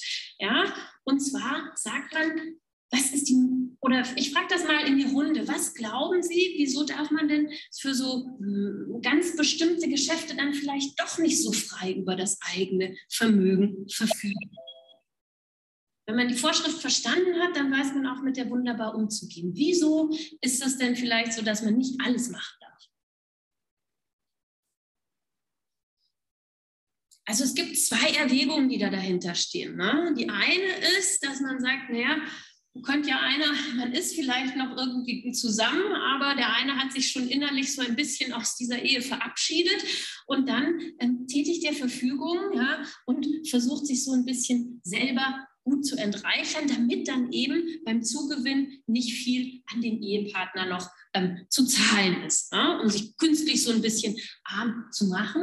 Und da sagt man, nein, dieser Erhalt der Werte innerhalb der Zugewinngemeinschaft, die soll eben bis zum Ende ähm, so ein bisschen gewährleistet sein. Und deswegen sollen so ganz bestimmte Geschäfte da nicht, ähm, äh, also die, die freie Verfügung in, bei, bei ganz bestimmten Geschäften möglich sein. Die andere Möglichkeit ist, dass man noch sagt, naja, es geht ja auch um den Schutz dieser wirtschaftlichen Grundlagen der ehelichen Lebensgemeinschaft. Ganz bestimmte zentrale Elemente, die schon für das gemeinsame Zusammenleben von einer gewissen Bedeutung sind, die sollen eben erhalten bleiben. Da geht es jetzt nicht um den Punkt, irgendwann später wird das in die Brüche gehen und dann gibt es den Ausgleich, sondern es geht darum, schon im jetzigen Zeitpunkt bin ich schutzbedürftig, weil wir eben so nah beieinander sind. Und das ist das sogenannte vinkulierte Vermögen. Und da gucken wir jetzt einmal, was das eigentlich mit diesem vinkulierten Vermögen auf sich hat und schauen uns mal den 1365 an. Ein Ehegatte kann sich nur mit Einwilligung des anderen Ehegatten verpflichten, über sein Vermögen im Ganzen zu verfügen. Hat er sich ohne Zustimmung des anderen Ehegatten verpflichtet, so kann er die Verpflichtung nur erfüllen, wenn der andere Ehegatte einwilligt. Das ist erstmal die grundsätzliche Regelung. Und dann müssen wir uns ein bisschen ähm, mal überlegen, wie sieht es denn da aus? Welche Voraussetzungen hat denn dieser 1365? Wie wird das Ganze geltend gemacht? Da gibt es einiges zu beachten. Das erste Mal, Sie brauchen erstmal eine wirksame Ehe. Ja, das ist jetzt noch meistens sehr einfach zu prüfen, aber auch da kann es ja mal zu kleinen ähm, Hiccups kommen. Das ist das Erste. Das Zweite, aufgrund der systematischen Stellung des 1365 im Titel der ehelichen, des ehelichen Güterrechts müssen Sie sich auch im gesetzlichen Güterstand der Zugewinngemeinschaft befinden. Ansonsten haben Sie nicht dieses vinkulierte Vermögen, vor allen Dingen nicht, wenn Sie bei einer Gütertrennung sind. Und bei der Gütergemeinschaft ist das Ganze dann ja nochmal ganz anders gelegt. Das ist das Zweite, was Sie sich da merken müssen. Und auch hier der 1365, der kann ähm, nicht abbedungen werden. Also, die sind erstmal ganz fest. Ja? Ich gucke jetzt einmal, 1316, 1408. Mal. Okay, gut. Dann, warten Sie mal, ich habe hier aber stehen, war das nicht, ich, genau, also Sie können aber natürlich die gesamte Zugewinngemeinschaft. Dann ist jetzt die weitere Frage, wie sieht es aus? Naja, Sie haben ja im 1365 diese Unterscheidung, dass Sie einmal sagen, Verpflichtungen und auf der anderen Seite haben Sie es auch noch mit den Verfügungen zu tun. Also, Jetzt die Frage. Ne? Sie müssen immer so ein bisschen gucken, wo Sie den 1365 das erste Mal prüfen. Es kann sein, dass Sie den schon bei der, das ist ja halt eine Frage der Fallfrage. Ne? Wenn es ums Eigentum geht, dann sind Sie ja bei der dinglichen Einigung oder bei der Verfügungsbefugnis. Wenn es darum geht, Verpflichtungsgeschäfte, schuldrechtliche Natur, ne? dann sind Sie eben auf der oberen Ebene und reden über die Verpflichtung, nicht über die Verfügung diese Idee, dass es etwas gibt, ne, dass man über sein Vermögen im Ganzen verfügt, das ist ja so ein bisschen irritierend. Ne? wann ist das schon mal der Fall? Ne? Man, kann diese, äh, man kann sich diese Fälle mal vorstellen, ne? aber ganz klar, in den seltensten Fällen wird jemand sagen, mein ganzes Vermögen ja, veräußere ich ähm, an jemand anderen plus also Sie merken schon, ich tue mir schon so ein bisschen schwer, das so zu formulieren. Es ist ja immer noch der ähm, Grundsatz, dass hier so sehr bestimmt, der Bestimmtheitsgrundsatz im Sachenrecht gilt. Es müssten ja eigentlich auch die einzelnen Gegenstände sein, über die hier die Verfügung getätigt werden. Das Ganze ist aber nicht absolut irrelevant und irgendwie bei dem toten Mord des, 13, äh, des BGB gelandet, weil der BGH das Ganze zu einer subjektiven Einzeltheorie umgedeutet hat. Und das wird Ihnen vielleicht bekannt vorkommen, dass man sich ein bisschen fragen kann, naja, vielleicht haben wir ja mal eine Verfügung über das Vermögen im Ganzen, wenn wir davon ausgehen können, dass die Voraussetzungen nach der subjektiven Einzeltheorie gegeben sind. Was heißt das jetzt? Die besteht aus zwei Elementen. Die sagt einmal, na ja, auch einzelne Gegenstände können einmal fast so wie das Vermögen im Ganzen anzusehen sein. Ne? Das ist dann der Fall, wenn das nahezu das gesamte Vermögen ausmacht. Und da kennen Sie vielleicht auch noch die Prozentzahlen, die da im Raum stehen. Bei großen Vermögen sagt man, wenn das Restvermögen, ne, das dann nach der Veräußerung, nach der Verfügung noch verbleiben würde, bei 10 Prozent liegt, schwierig. Bei kleineren Vermögen nimmt man da so eine etwas höhere Prozentzahl an, klar, weil man da auch ein bisschen schneller eben an der Substanz ist, dass man dann sagt 15 Prozent. Ne. Das ist das Erste. Und da muss man dann immer so ein bisschen rechnen. Ne? Da werden Sie gut mit zurechtkommen, fragen, wie sieht das aus? Ist das denn ähm, ein, ein, etwas, was einem Vermögen im Ganzen nahe kommt? Und dann können sich manchmal so Fragen stellen. Wie sieht es denn aus? Ähm, hier heißt es ja ähm, Verpflichtung, Verfügung ähm, über das Vermögen im Ganzen. Verfügungen sind nicht nur Veräußerungen, das sind auch Belastungen. Und dann eben auch die Frage, naja, ähm, soll da vielleicht ein Grundstück erworben werden? Und dann ist da aber gleichzeitig eine äh, Grundschuld für die Bank in der vollen Höhe drauf. Kann man sagen, nein, das ist davon nicht erfasst, ja, weil das sich ja auf ein und denselben Gegenstand bezieht. Ja. Wenn Sie jetzt aber sich irgendwas Neues kaufen wollen und dann zur Sicherung des Darlehens erstmal das ähm, äh, Grundstück, ja, was Ihr einziges Vermögen ausmacht, komplett belasten, dann hätten Sie eben so eine sogenannte Verfügung über das Vermögen im Ganzen. Ja. Das ist das Erste.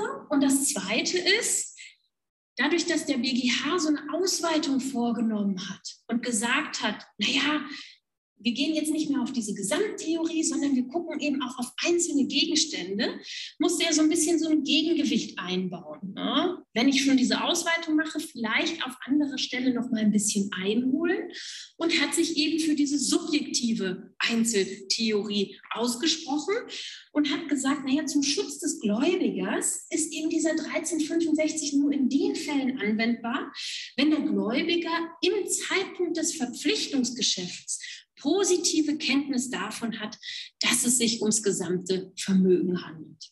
Ja. Weshalb? Ja, haben Sie gesagt, okay, dann ist der nicht so schutzbedürftig, wenn er die positive Kenntnis hat, dass da eben all diese Vermögenswerte eben ähm, bei einer Verfügung oder einer Verpflichtung eine Rolle spielen.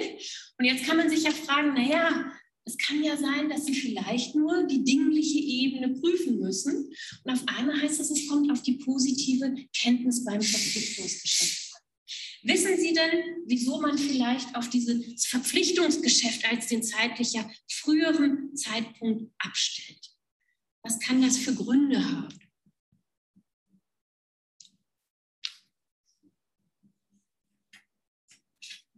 Ja, Herr Weberitz?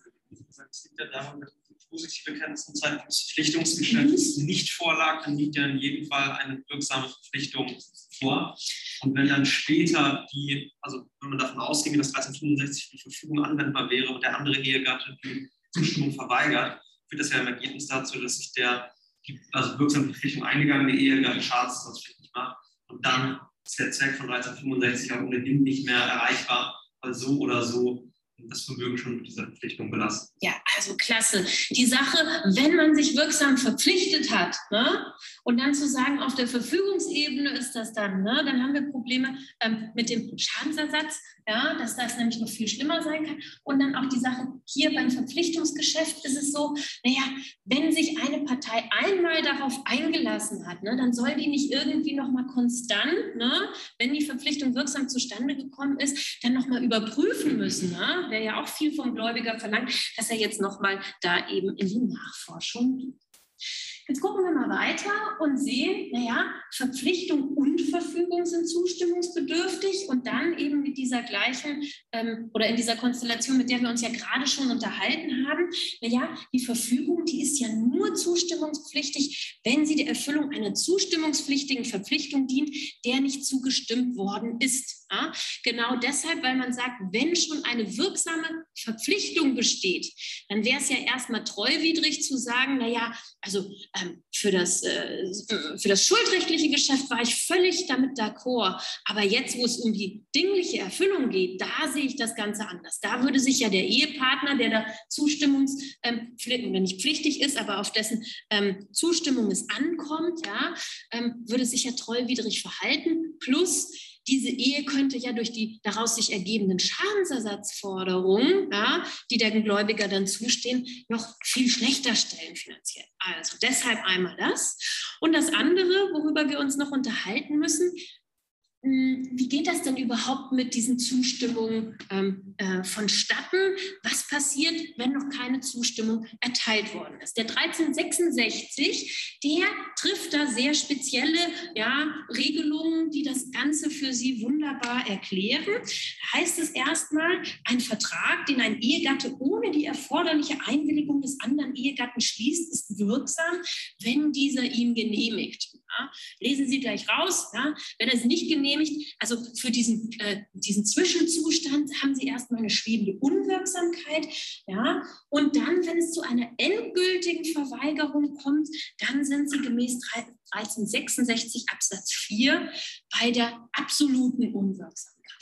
Und an der Stelle, ne, das ist ja immer so ein Standardsatz, den habe ich schon an anderer Stelle gesagt, ja, Frage ne, Überwindung des, äh, mit den Mitteln des gutgläubigen Erwerbs, nur wenn es in diesen Spezialfällen wirklich gesetzlich angeordnet ist. Und beim 1366 haben Sie einmal eben einen Fall, wo das nicht angeordnet ist. Das Ganze, das kann nicht durch gutgläubigen Erwerb eben überwunden werden. Ja, Weshalb, woraus sie, liest man das so ein bisschen? Na, könnte man auch anders sehen. Aber wenn Sie möchten, können Sie sich das Ganze so ein bisschen vorstellen, dass sich das beim 1368, äh, 1368 manifestiert auf den wir gleich noch intensiver eingehen, verfügt ein Ehegatte ohne die erforderliche Zustimmung des anderen Ehegatten über sein Vermögen, so ist auch der andere Ehegatte berechtigt, die sich aus der Unwirksamkeit der Verfügung ergebenden Rechte gegen den Dritten gerichtlich geltend zu machen. Und aus diesem kleinen Wörtchen auch, dann ist auch der andere berechtigt. Da wird rausgelesen, naja, dann darf das nicht nur derjenige, welche der verfügt, sondern eben auch der andere berechtigt. Zum Aufbau. Es gibt hier nämlich zwei Aspekte, die von Relevanz sind. Das eine ist nochmal der 1368, die sogenannte Revokationsbefugnis. Ne? Also der andere Ehegatte ist berechtigt, die sich aus der Verfügung ergebenden Rechte gegen den Dritten gerichtlich geltend zu machen. Das ist eine sehr, sehr interessante Norm und es ist interessant, dass sie im BGB geregelt ist, mal um die Anordnung einer gesetzlichen Prozessstandschaft. Ne? Also, der kann für den verfügenden Ehegatten im eigenen Namen dieses Recht geltend machen. Meistens stellen sie das dar, dass sie einfach einmal kurz zum 1368 ganz oben Stellung nehmen und dann werden aber über diesen 1368, dieses gesetzliche Prozessstandschaft, die gilt eben auch nur für die aus der Unwirksamkeit der Verfügung sich ergeben. Sie können auf ein 894 eingehen ne? oder vielleicht einen ähm, äh, Grundbuchberichtigungsanspruch oder einen 985, solche Geschichten, aber nicht auf ein 812er, weil da geht es nicht um eine Unwirksamkeit einer Verfügung, sondern beim 812er, da würden Sie ja auf das Fehlen eines rechtlichen Grundes im Normalfall eines Verpflichtungsgeschäftes eingehen. Machen Sie aber noch morgen Nachmittag, dann wird Ihnen das alles total klar sein. Und die zweite Frage, die aufbautechnisch ein bisschen schwieriger sein kann, wenn Sie es mal mit dem 1365 zu tun haben in der Konstellation, dass Sie über das Verfügungsgeschäft, ne, wir sind wieder auf der Ebene, dinglichen Ebene, sich unterhalten müssen. Ne. Auf der einen Seite so, ha, klingt schon alles sehr nach Willenserklärung, dann könnten Sie schon bei der dinglichen Einigung darüber sprechen. Auf der anderen Seite kann man auch sagen, nein, der Schwerpunkt der Wertung ist doch, dass dieses Geschäft aufgrund der mangelnden Verfügungsbefugnis befugnisunwirksam ist, dann würden Sie das eben erst unter Ihrem Prüfungspunkt 4 bei der Verfügungsbefugnis thematisieren. So oder so sind Sie frei. Ja? Ähm, ich finde, da bietet es sich jetzt auch nicht an zu sagen, ah, das ist überhaupt nicht ähm, nachvollziehbar, wenn Sie jetzt auf die eine oder auf die andere Norm eingehen. So, Jetzt geht es weiter. Jetzt haben Sie noch eine Möglichkeit, dass Sie sagen, ja, wir sind jetzt gar nicht im Regime des 1365. Es gibt noch eine ähnliche Norm, ja, den 1369. Da geht es jetzt nicht darum, dass sozusagen mehr oder minder alles aus dem Vermögen der Ehe da, ähm, äh, eines Ehepartners rausgeholt werden soll, ne, sondern dass man sagt, Verfügung über Haushaltsgegenstände. Ein Ehegatte kann über ihn gehörende Gegenstände des ehelichen Haushalts nur verfügen und sich zu einer solchen Verfügung auch nur verpflichten, wenn der andere Ehegatte einwilligt. Und das Ganze, das kann dann eben auch noch durch Familiengericht Erklärung ersetzt werden. Sie sehen schon, der 1369, der geht sehr parallel zum 1365, dass Sie wieder fragen, Ehegatten, gesetzlicher Güterstand, hier ist eine Möglichkeit, das mal abzubedingen, ne, darf dann nicht abgedankt sein. Und dann das Wichtige, dass Sie sich überlegen, naja, habe ich es hier mit einer Verpflichtung oder einer Verfügung eines dem Ehegatten gehörenden äh, Gegenstandes zu tun? Also es geht jetzt nicht darum, einen Gegenstand zu nehmen, der dem anderen Ehegatten ähm, gehört, ne, im Eigentum des anderen Ehegatten steht. Da wären Sie im ganz normalen Regime der 932 folgende und müssten dann fragen, ob da ein Abhandenkommen vorliegt, sondern es geht wirklich darum, auch wenn diese ja, Eigentum und ähm, alles erstmal und das Vermögen der beiden Ehepartner grundsätzlich getrennt zu beachten ist, ja, dass es mal sein kann, dass ich nicht einfach meinen Mixer ähm, verkaufen äh, und vor allen Dingen veräußern darf, ja, ohne dass mein Partner dazu bestimmt hat. Also auch da diese Zustimmungspflichten, der Sinn dahinter, ja, man möchte halt, dass das ähm, einfach weiter der Ehe ähm, zur Verfügung steht, dass das gemeinsame Leben da gut bestritten wird. Jetzt noch einmal, damit man diese Zugewinngemeinschaft ein bisschen besser einordnen kann. Auch hier, da wird nur überblicksartiges Wissen von Ihnen verlangt, aber in der Realität ist das natürlich äußerst wichtig. Ja? Deshalb ähm, ist es auch immer noch sozusagen in der Prüfungsgegenständeverordnung ein bisschen aufgeführt. Die Frage, was passiert denn, wenn es mal zum Ende der Zugewinngemeinschaft kommt? Ja? Und da haben sie erstmal Ausgleichsansprüche. Das Gesetz sagt es Ihnen im 1378, Ausgleichsforderung, übersteigt der Zugewinn des einen Ehegatten den Zugewinn des anderen, so steht die Hälfte des Überschusses dem anderen Ehegatten als Ausgleichsforderung zu. Also es ist erstmal eine auf Geld gerichtete Ausgleichszahlung, ein schuldrechtlicher Anspruch, ja, wenn es ähm, eben unter Lebenden zu diesem Zugewinnausgleich kommt. Wenn äh, beim Zugewinnausgleich beim Todesfall hatten wir ja schon letzte Woche uns angeschaut, da gucken Sie auf den 1371, der da eben die Regelungen trifft. Und jetzt heißt es so schön, naja, gerichtet auf die Hälfte des Betrages, um den der Zugewinn des anderen Ehegatten den eigenen Zugewinn des Anspruchsstellers übersteigt. Das heißt, Sie müssen immer so ein bisschen gucken, wer also für beide Ehepartner den Zugewinn sich erstmal berechnen und dann gucken, naja, wer hat mehr dazu ähm, äh, erwirtschaftet und dann sagen, okay, dann ist derjenige, der eben mehr erwirtschaftet hat, demjenigen, welchen der weniger erwirtschaftet hat, am Ende der Ehe zum Ausgleich verpflichtet. Hm?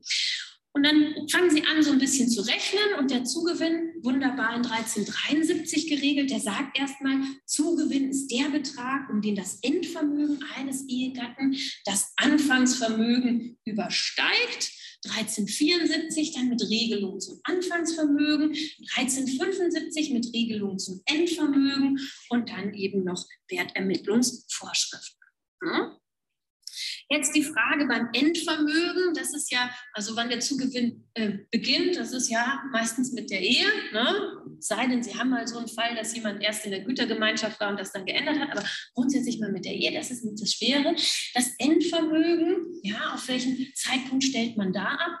Entweder die Aufhebung der Ehe oder bei der Scheidung gibt es eben eine Sondernorm, die ja auch komplett Sinn macht.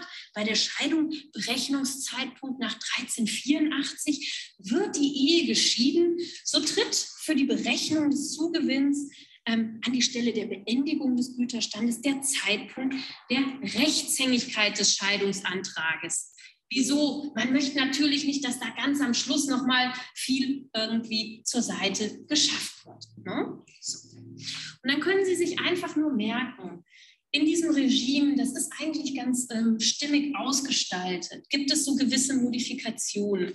Wenn jemand zum Beispiel etwas ähm, erhalten hat, was wirklich nur ihm zustehen soll, aufgrund eines Erbfalles zum Beispiel, ne, dann wird das nicht, ähm, dann wird das zum Anfangsvermögen gerechnet. Ne, dann möchte man nicht, dass der Ehepartner bei Beendigung der Ehe das abschöpfen soll.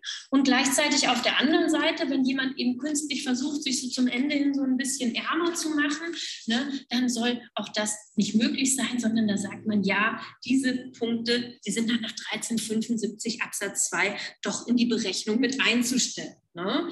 Also das, e äh, das Endvermögen, da wird dann eben dieser Betrag hinzugerechnet, der dann eben zum Beispiel durch unentgeltliche Zuwendung anderen Personen zugute gekommen ist.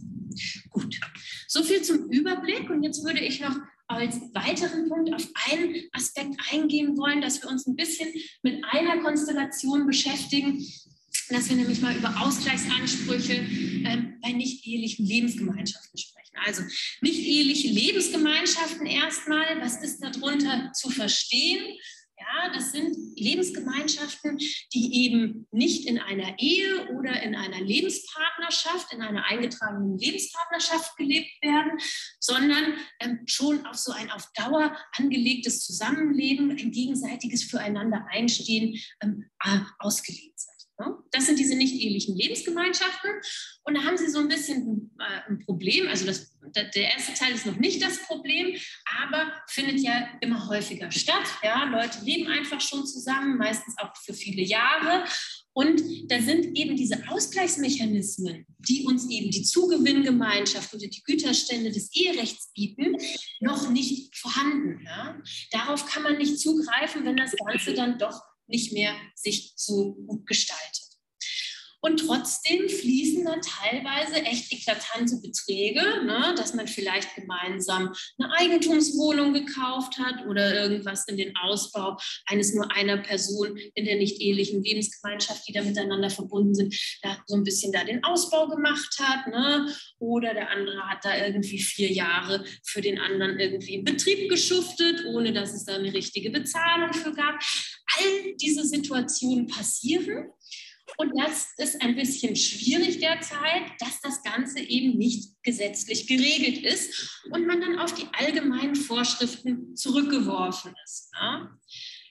Nur ein kleiner Hinweis in Klammern. Es kann mal sein, dass es auch ein sogenanntes Nebengüterrecht im Eherecht gibt. Ne? Also da haben Sie Zugewinngemeinschaft ah, oder Sie haben vielleicht eine Gütertrennung vereinbart und dann noch die Frage, ob dazu zusätzlich noch weitere Ausgleichsansprüche nach den allgemeinen Vorschriften bestehen. Also das, was wir jetzt machen, das hat man standardmäßig bei der nicht-ehelichen Lebensgemeinschaft. Es kann aber mal im Ausnahmsfall auch beim Eherecht abgefragt werden, aber dann werden Sie durch Formulierungen da schon drauf hingewiesen.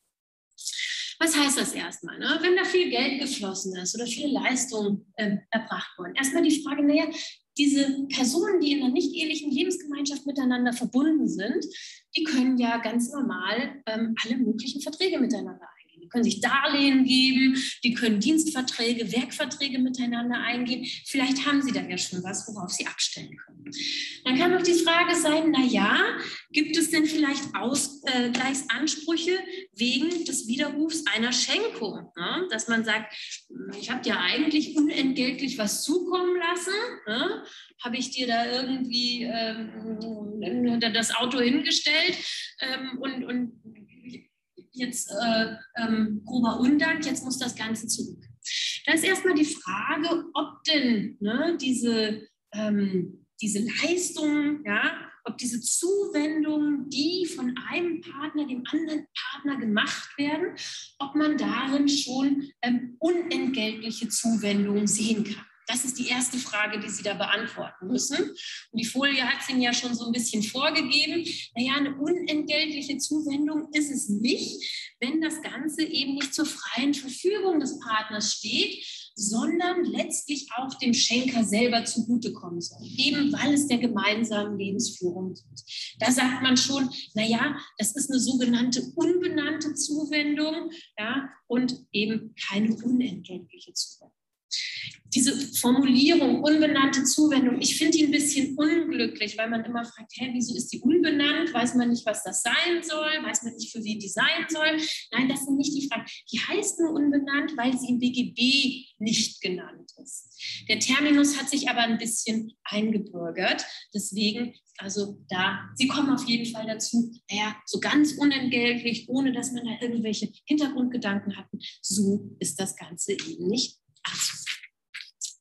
Wenn Sie diese Rückforderungsansprüche nicht über den 530, 531 konstruieren können, haben Sie vielleicht noch andere Ideen, worüber man nachdenken könnte? Dass man sagt, na ja, also irgendwie so einen Ausgleichsanspruch würde ich schon ganz gerne haben. Steht mir noch zu? Hm, wirklich in den ganz allgemeinen Grundsätzen. Ja, Herr Schwarz? Man könnte so einen Auseinandersetzungsanspruch aus der GBR nehmen. Ja. Man kann so den Gesellschaftsvertrag abgeschlossen ja. meistens Projekt. Völlig richtig, wunderbar. Also die Idee, dass man sagt, na ja, vielleicht besteht ja ein äh, Ausgleichsanspruch nach 705, 738 ähm, wegen Ausgleich aufgrund einer konkludent geschlossenen Innengesellschaft, die jetzt aufgelöst wird. Ne? Die Idee ist, ausdrücklich können die ja sagen, ja, wir bringen uns zu einer BGB-Gesellschaft zusammen, um gemeinsam zum Beispiel ein Haus, ein Grundstück zu erwerben und ein Haus zu. Und meistens, und das ist das Problem, da wird ja einfach nur gemacht. da kann man sich fragen, naja, kann man konkludent davon ausgehen, dass ein Gesellschaftsvertrag zwischen diesen beiden Personen geschlossen wird? Und auch hier, das große oder die große Frage, die im Hintergrund immer steht, wenn Sie hier argumentieren müssen, bei der nicht ehelichen Lebensgemeinschaft, das sind Personen, die sich entweder sehr bewusst oder weil sie es einfach nicht so interessiert, nicht dafür entschieden haben, eine Ehe einzugehen. Und da fragt man sich immer, ab wann kann man denn von einem Rechtsbindungswillen ausgehen? Wann sind wir nicht mehr dabei, dass wir nur sagen, naja, die wohnen halt tatsächlich zusammen, äh, scheinen sich ganz gut zu verstehen, sondern wann geht da noch was Zusätzliches dazu? Also, und da müssen Sie dann so ein bisschen fragen ne? und dann klar sagen, okay, gibt es Anhaltspunkte, worauf, äh, wodurch wir da konkludent eben auf einen Rechtsbindungswillen schließen können? Und dann sehen Sie ja schon, naja, wann kann ich das annehmen? In der Regel eben nicht, wenn es Beiträge sind, die eben nur der Ausgestaltung der gemeinsamen Lebensführung dienen. Ne? Also wenn es nur darum geht, ähm, dass ich auch wirklich schon von Beginn an ähm, von dieser ähm, von diesen getätigten Vermögensverschiebungen selber so ein bisschen partizipiere, dass ich sage, ich wohne da drin, ich habe da auch gleich irgendwie die ganzen Benefits davon.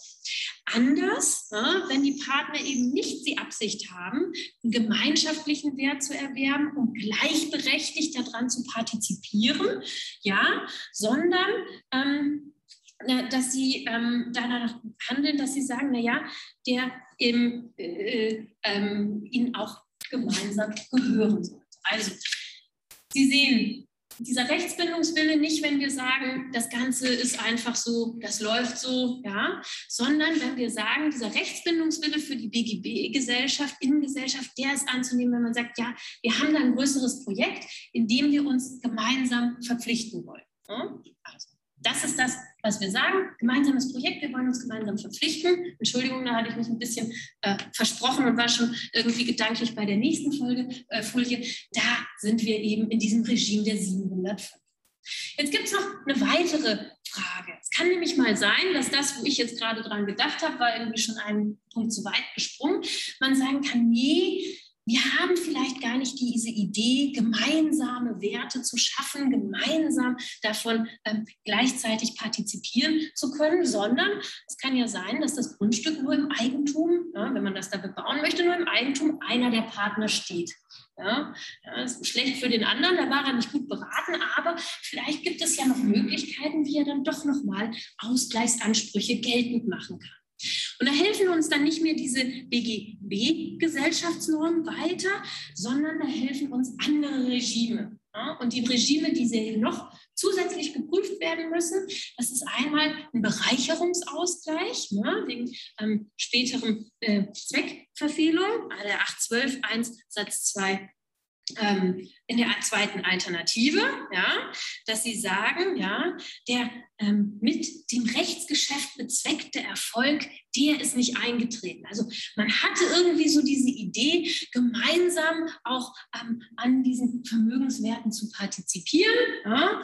Man hat gedacht, ich werde da ja die nächsten 30 Jahre bis zu meinem Lebensende gemeinschaftlich mit dir in diesem Haus wohnen. Und dann ist es eben nicht so gekommen. Ja. Und wenn man dann doch nicht mehr langfristig partizipiert, dann kann es Ausgleichsansprüche nach 812 Einsatz 2 Alternative 2 geben. Hier natürlich die zehn Jahre, die man da aber dann trotzdem noch irgendwie nett miteinander verbracht hat, die sind dann bei dieser Wertersatzberechnung natürlich mit einzustellen. Für die gibt es dann keinen Ausgleich. Und das Weitere, dass man dann, oder das ist das eben, was der BGH in dieser Grundsatzentscheidung im 177. Band noch zusätzlich gesagt hat, dass er gesagt hat, naja, auch noch Ausgleichsansprüche nach den Grundsätzen der Störung der Geschäftsgrundlage. Also, ja, wenn da irgendwie diese Fehlvorstellungen vorgelegen haben, dann sagen sie mir, ja, wenn es nach Treu und Glauben demjenigen, welchen, der da diese Leistung gebracht hat, nicht zuzumuten ist, dass jetzt eben diese Vermögensverhältnisse so bleiben, wie sie sich ähm, darstellen. Nämlich, dass einer sehr von, diesem, ähm, von dieser Vermögensverschiebung ähm, begünstigt ist und der andere eben mit diesen ganzen Nachteilen zu kämpfen hat. Also.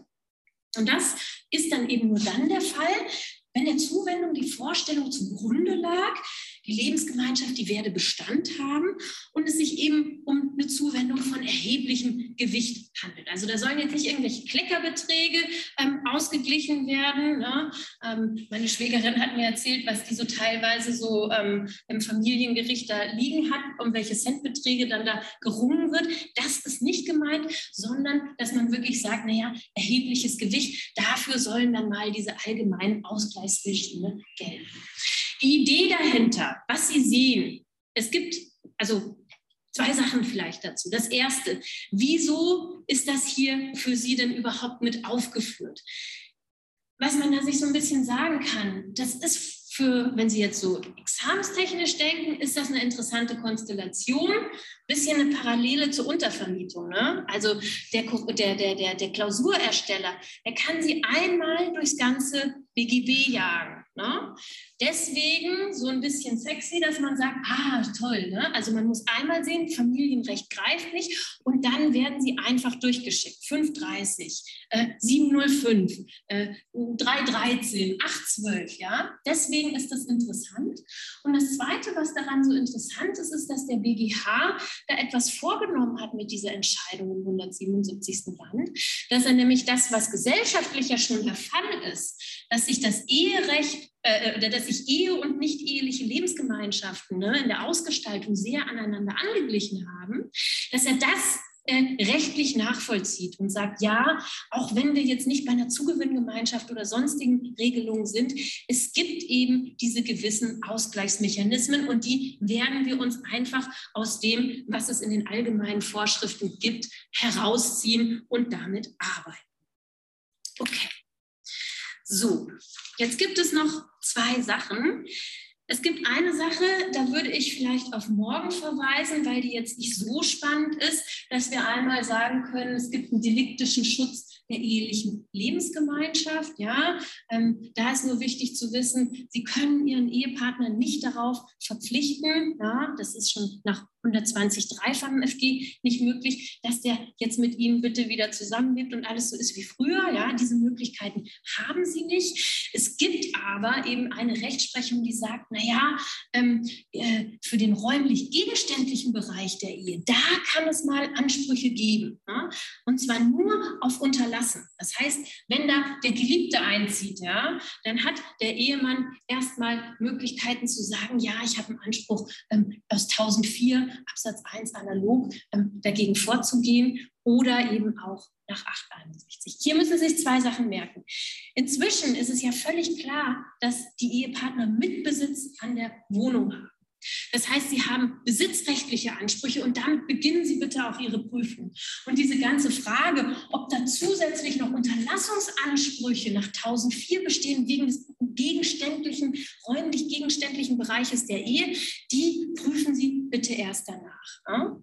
Das ist das eine. Und das zweite ist, es gibt eben auch keinen Schadensersatz dafür, dass jemand sich treuwidrig, ähm, ehebrüchig verhält, weder gegenüber dem Ehegatten noch gegenüber dem Ehestörer. Wieso? Wir sind im Scheidungsrecht ja ähm, davon abgekommen, dass wir sagen, wir wollen da Verschulden prüfen. Ja, den Personen ist es freigestellt, sich eben aus einer Ehe zu lösen. Und wenn man jetzt so Schadensersatzansprüche auf einmal wieder reinbringen würde, ja, dann wären wir ja in der Problematik, dass wir da finanzielle Anreize setzen, dass die Leute doch bitte, bitte in der Ehe zusammenbleiben. Und das möchte man verhindern. Da können wir vielleicht morgen nochmal drauf eingehen an der Stelle, aber das ist eher etwas, was von untergeordneter Bedeutung ist. Ich möchte jetzt nochmal in den verbleibenden Minuten nämlich mit Ihnen auf das Haftungsrecht im Eltern-Kind-Verhältnis. Also wir sind wieder, jetzt lassen wir mal diese Ehepartner, diese ganzen Ehen, nicht ehelichen Lebensgemeinschaften hinter uns und gucken nochmal auf das andere große familienrechtliche Verhältnis, nämlich das Eltern-Kind-Verhältnis.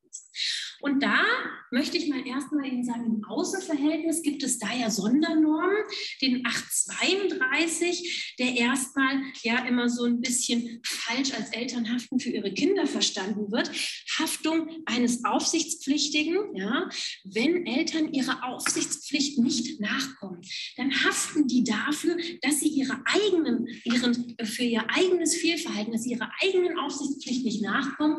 Und das ist eben diese besondere Norm gegenüber ähm, äh, Dritten nach 832. Auf der anderen Seite Fehlverhalten der Eltern ja, kann einem Kind ausnahmsweise auch mal zugerechnet werden. Ja. 278, 254, 2. Vor allen Dingen gibt es ja die Schadensminderungspflichten. Und wenn die Eltern es nicht schaffen, diesen Schaden gering zu halten, weil sie sich vielleicht nicht richtig um die richtige Behandlung des Kindes kümmern oder weil sie einfach zu spät Gegenschritte eingeleitet haben, dann muss dem Kind das als Mitverschulden zugerechnet werden oder dann kann ihm das zugerechnet werden. Im Innenverhältnis jetzt die eine zentrale Norm. Und da brauche ich einfach noch mal die paar Minuten, weil sich da zurzeit ein bisschen was tut. Der 1664. Sie machen heute, äh, morgen Nachmittag auch einen Fall dazu. Und zwar geht es da um die beschränkte Haftung der Eltern. Die Eltern haben bei der Ausübung der elterlichen Sorge dem Kind gegenüber nur für die Sorgfalt einzustehen, die sie in eigenen Angelegenheiten anzuwenden pflegen. Und so eine ganz ähnliche Vorschrift gibt es auch für die Ehepartner. Ja, da ist es beim 1359 geregelt, auch da wieder Sorgfalt in eigenen Angelegenheiten.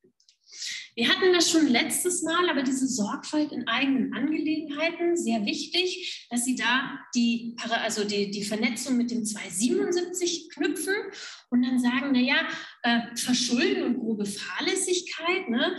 wenn, wenn Eltern irgendwie da Fehler machen und die, die sind ihnen entweder als Vorsatz oder als grobe Fahrlässigkeit vorzuwerfen, dann äh, hilft ihnen auch diese äh, Haftungsprivilegierung des 1664 nicht weiter. Das ist das eine. Das Zweite, was Sie zum 1664 wissen müssen, ist, es eine eigene Anspruchsgrundlage. Wird ein bisschen daraus gelesen, dass dann noch dieser Absatz 2 sich findet und der dann irgendwas über den Schaden genauer sagt. Ähm, merken Sie es sich bitte einfach. Der 1664, der wird auf zwei Arten verwendet. Also einmal eigene Anspruchsgrundlage, würde ich auch immer vorweg prüfen, weil das einfach so speziell das ist, ähm, wenn es eben zu Sorgfaltspflichtverletzungen ähm, der, der Eltern kommt.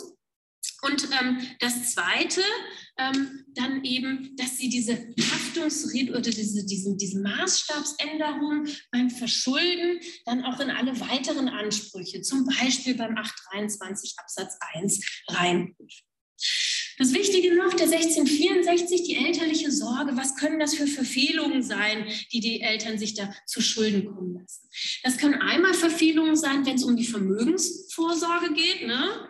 Also das sind dann tragische Fälle, aber meistens ist dann irgendeiner spielsüchtig und dann wird da irgendwie an die Kinderkonten ähm, gegangen oder so. Ne? Oder es können Fälle sein, wo es sich eben ähm, ja, um, um, um, um Fehlverhalten bei der Personensorge handelt. Auch da, Sie werden den Fall machen, muss man dann nochmal den Zwischenschritt gehen, dass man sagt, ja, auch bei Aufsichtspflichtverletzungen findet 1664 Anwendung, ja, dass da dieser äh, subjektivierte Maßstab ähm, Berücksichtigung findet. Allerdings nicht, wenn sie mal im ganz normalen Verkehr sind. Ne? Also so, wenn es zu Straßen, irgendwie es kommt zum Unfall ähm, und ähm, dann ist eins der Kinder verletzt auf der Rückbank, ne? dann der 1664 nicht. Da sollen dann diese allgemeinen Sorgfaltspflichten wieder ähm, gelten. Ich möchte noch auf zwei aktuelle ähm, Urteile eingehen. Warten Sie mal, so, ach, das ist jetzt, das zeige ich Ihnen gleich so.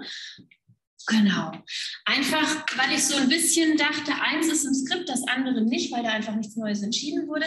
Weil ich dachte, das zeigt so, dass der BGH da gerade irgendwie ein bisschen naja, unterwegs ist und ähm, die Fälle werden besprochen. Und ähm, wir können ja einmal auf den ersten Fall eingehen. Das ist ein Fall, da ging es darum, dass eine Dreijährige mit ihrem Vater irgendwie mit dem Hund spazieren gehen war und dann äh, über die Leine gestolpert ist und hat sich irgendwie im Gesicht verletzt. Und jetzt war die große Frage, na, also so spannend ist es jetzt auch nicht, aber der Fall hat dann doch etwas ähm, in der Rechtsprechung klargezerrt, dass dann die Frage war, na ja, wie sieht das denn aus? 1664 und 833. Ja?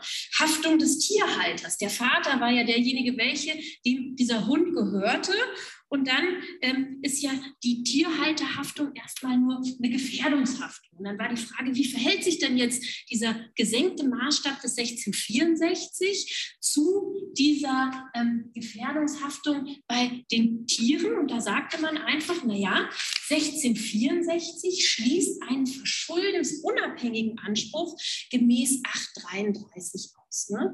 Es soll ja um eine Privilegierung gehen. Und diese Privilegierung, das macht ja absolut Sinn, die soll auch gegenüber verschuldensunabhängigen äh, Ansprüchen, die dem Kind gegenüber den Eltern zustehen, greifen. Das ist das eine, das war wirklich eine Neuerung. Und den anderen Fall, den habe ich Ihnen nur aufgeführt, ähm, weil Frau Wellenhofer in der JUS schon geschrieben hat, der ist ideal für Prüfungen verwertbar. Da ging es darum, dass eine Familie irgendwie zu so einem Reitturnier gefahren ist ja, und ähm, dann hatte eine dieser Reiterinnen, hatte da irgendwie ihren, ihren Pferdeanhänger so ein bisschen offen und das Tier stand aber drin, ja, aber alles normal gesichert. Ja. Und dieses dreijährige Mädel ähm, ist da rumgelaufen auf diesem ähm, Reitplatz, ohne dass sich die Eltern weiter dafür interessiert haben, was es denn jetzt macht. Ist da reingeklettert und hat dann da so einen Ruf abgekriegt. Erstmal die Tierhalterin, die Pferdehalterin, die musste haften nach 833, verschuldensunabhängig. Und jetzt wollte sie im Wege eines Gesamtschuldnerausgleiches Ersatz haben von den Eltern.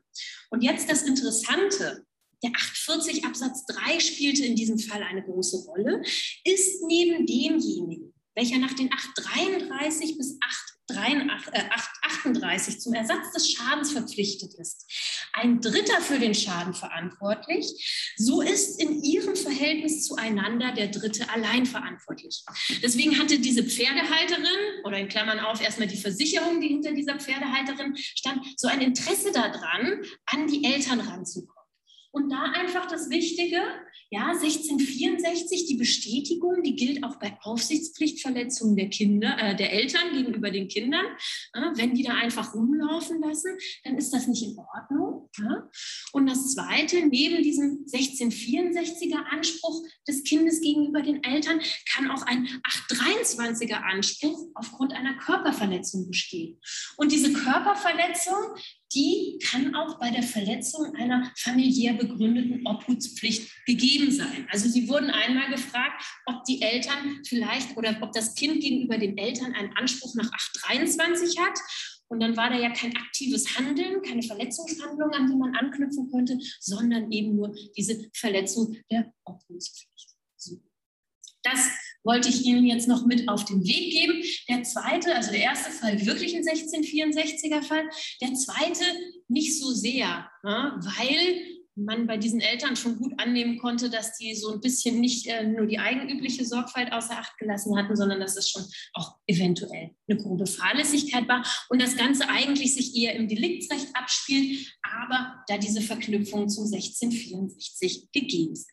So, Jetzt war ich zwei Minuten, ja, okay, drei Minuten hinter der Zeit. Ich hoffe, Sie äh, verzeihen mir das aber, aber ich wollte Ihnen einfach noch diese beiden Hinweise mit auf den Weg geben. Morgen machen wir die Fälle und die Vertiefung und dann sind Sie wunderbar vorbereitet, äh, was das familienrechtliche Wissen für die Examensprüfung anbelangt. Tschüss. Und wenn noch Fragen bestehen, also ich bin noch ein bisschen hier für die, die da sind und auch für die, die vielleicht noch aus dem Internet Fragen haben. Herr Leverenz. Eine, eine Frage, können Sie eine Folie zu, zurückgehen? Ja, klar. Ups. Ähm, so. Genau, also ja. zu der, der Mitverschuldensanrechnung bei den äh, Eltern mhm. über 254, 258 ja. BGB gilt dann bei der Zurechnung von dem Mitverschulden des, des Elternteils auch die Haftungsprivilegierung des 1664 BGB. Ja.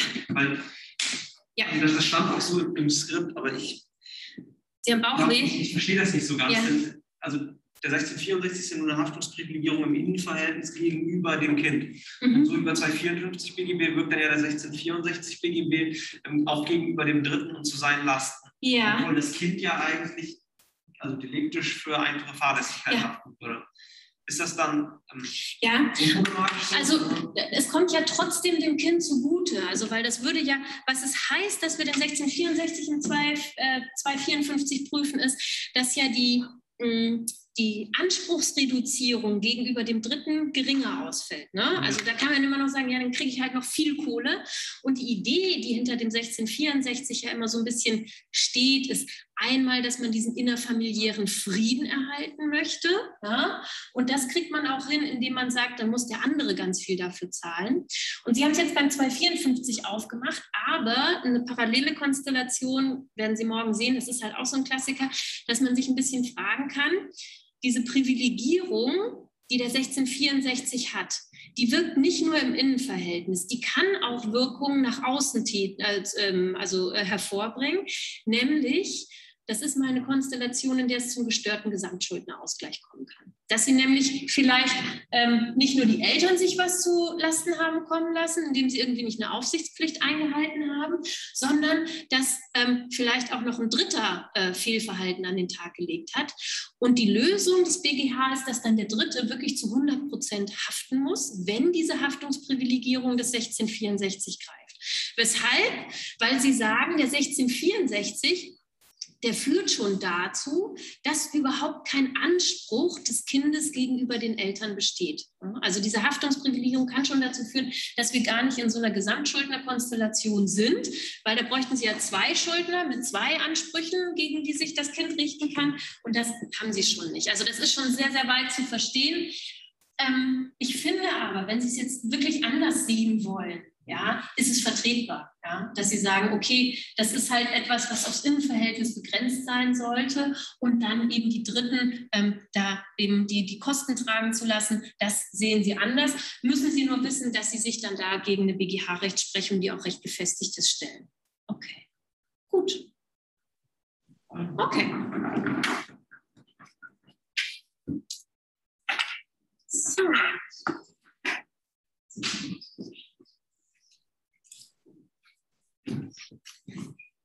Okay. Frau Cornett, haben Sie noch eine Frage? Nee, Entschuldigung, danke.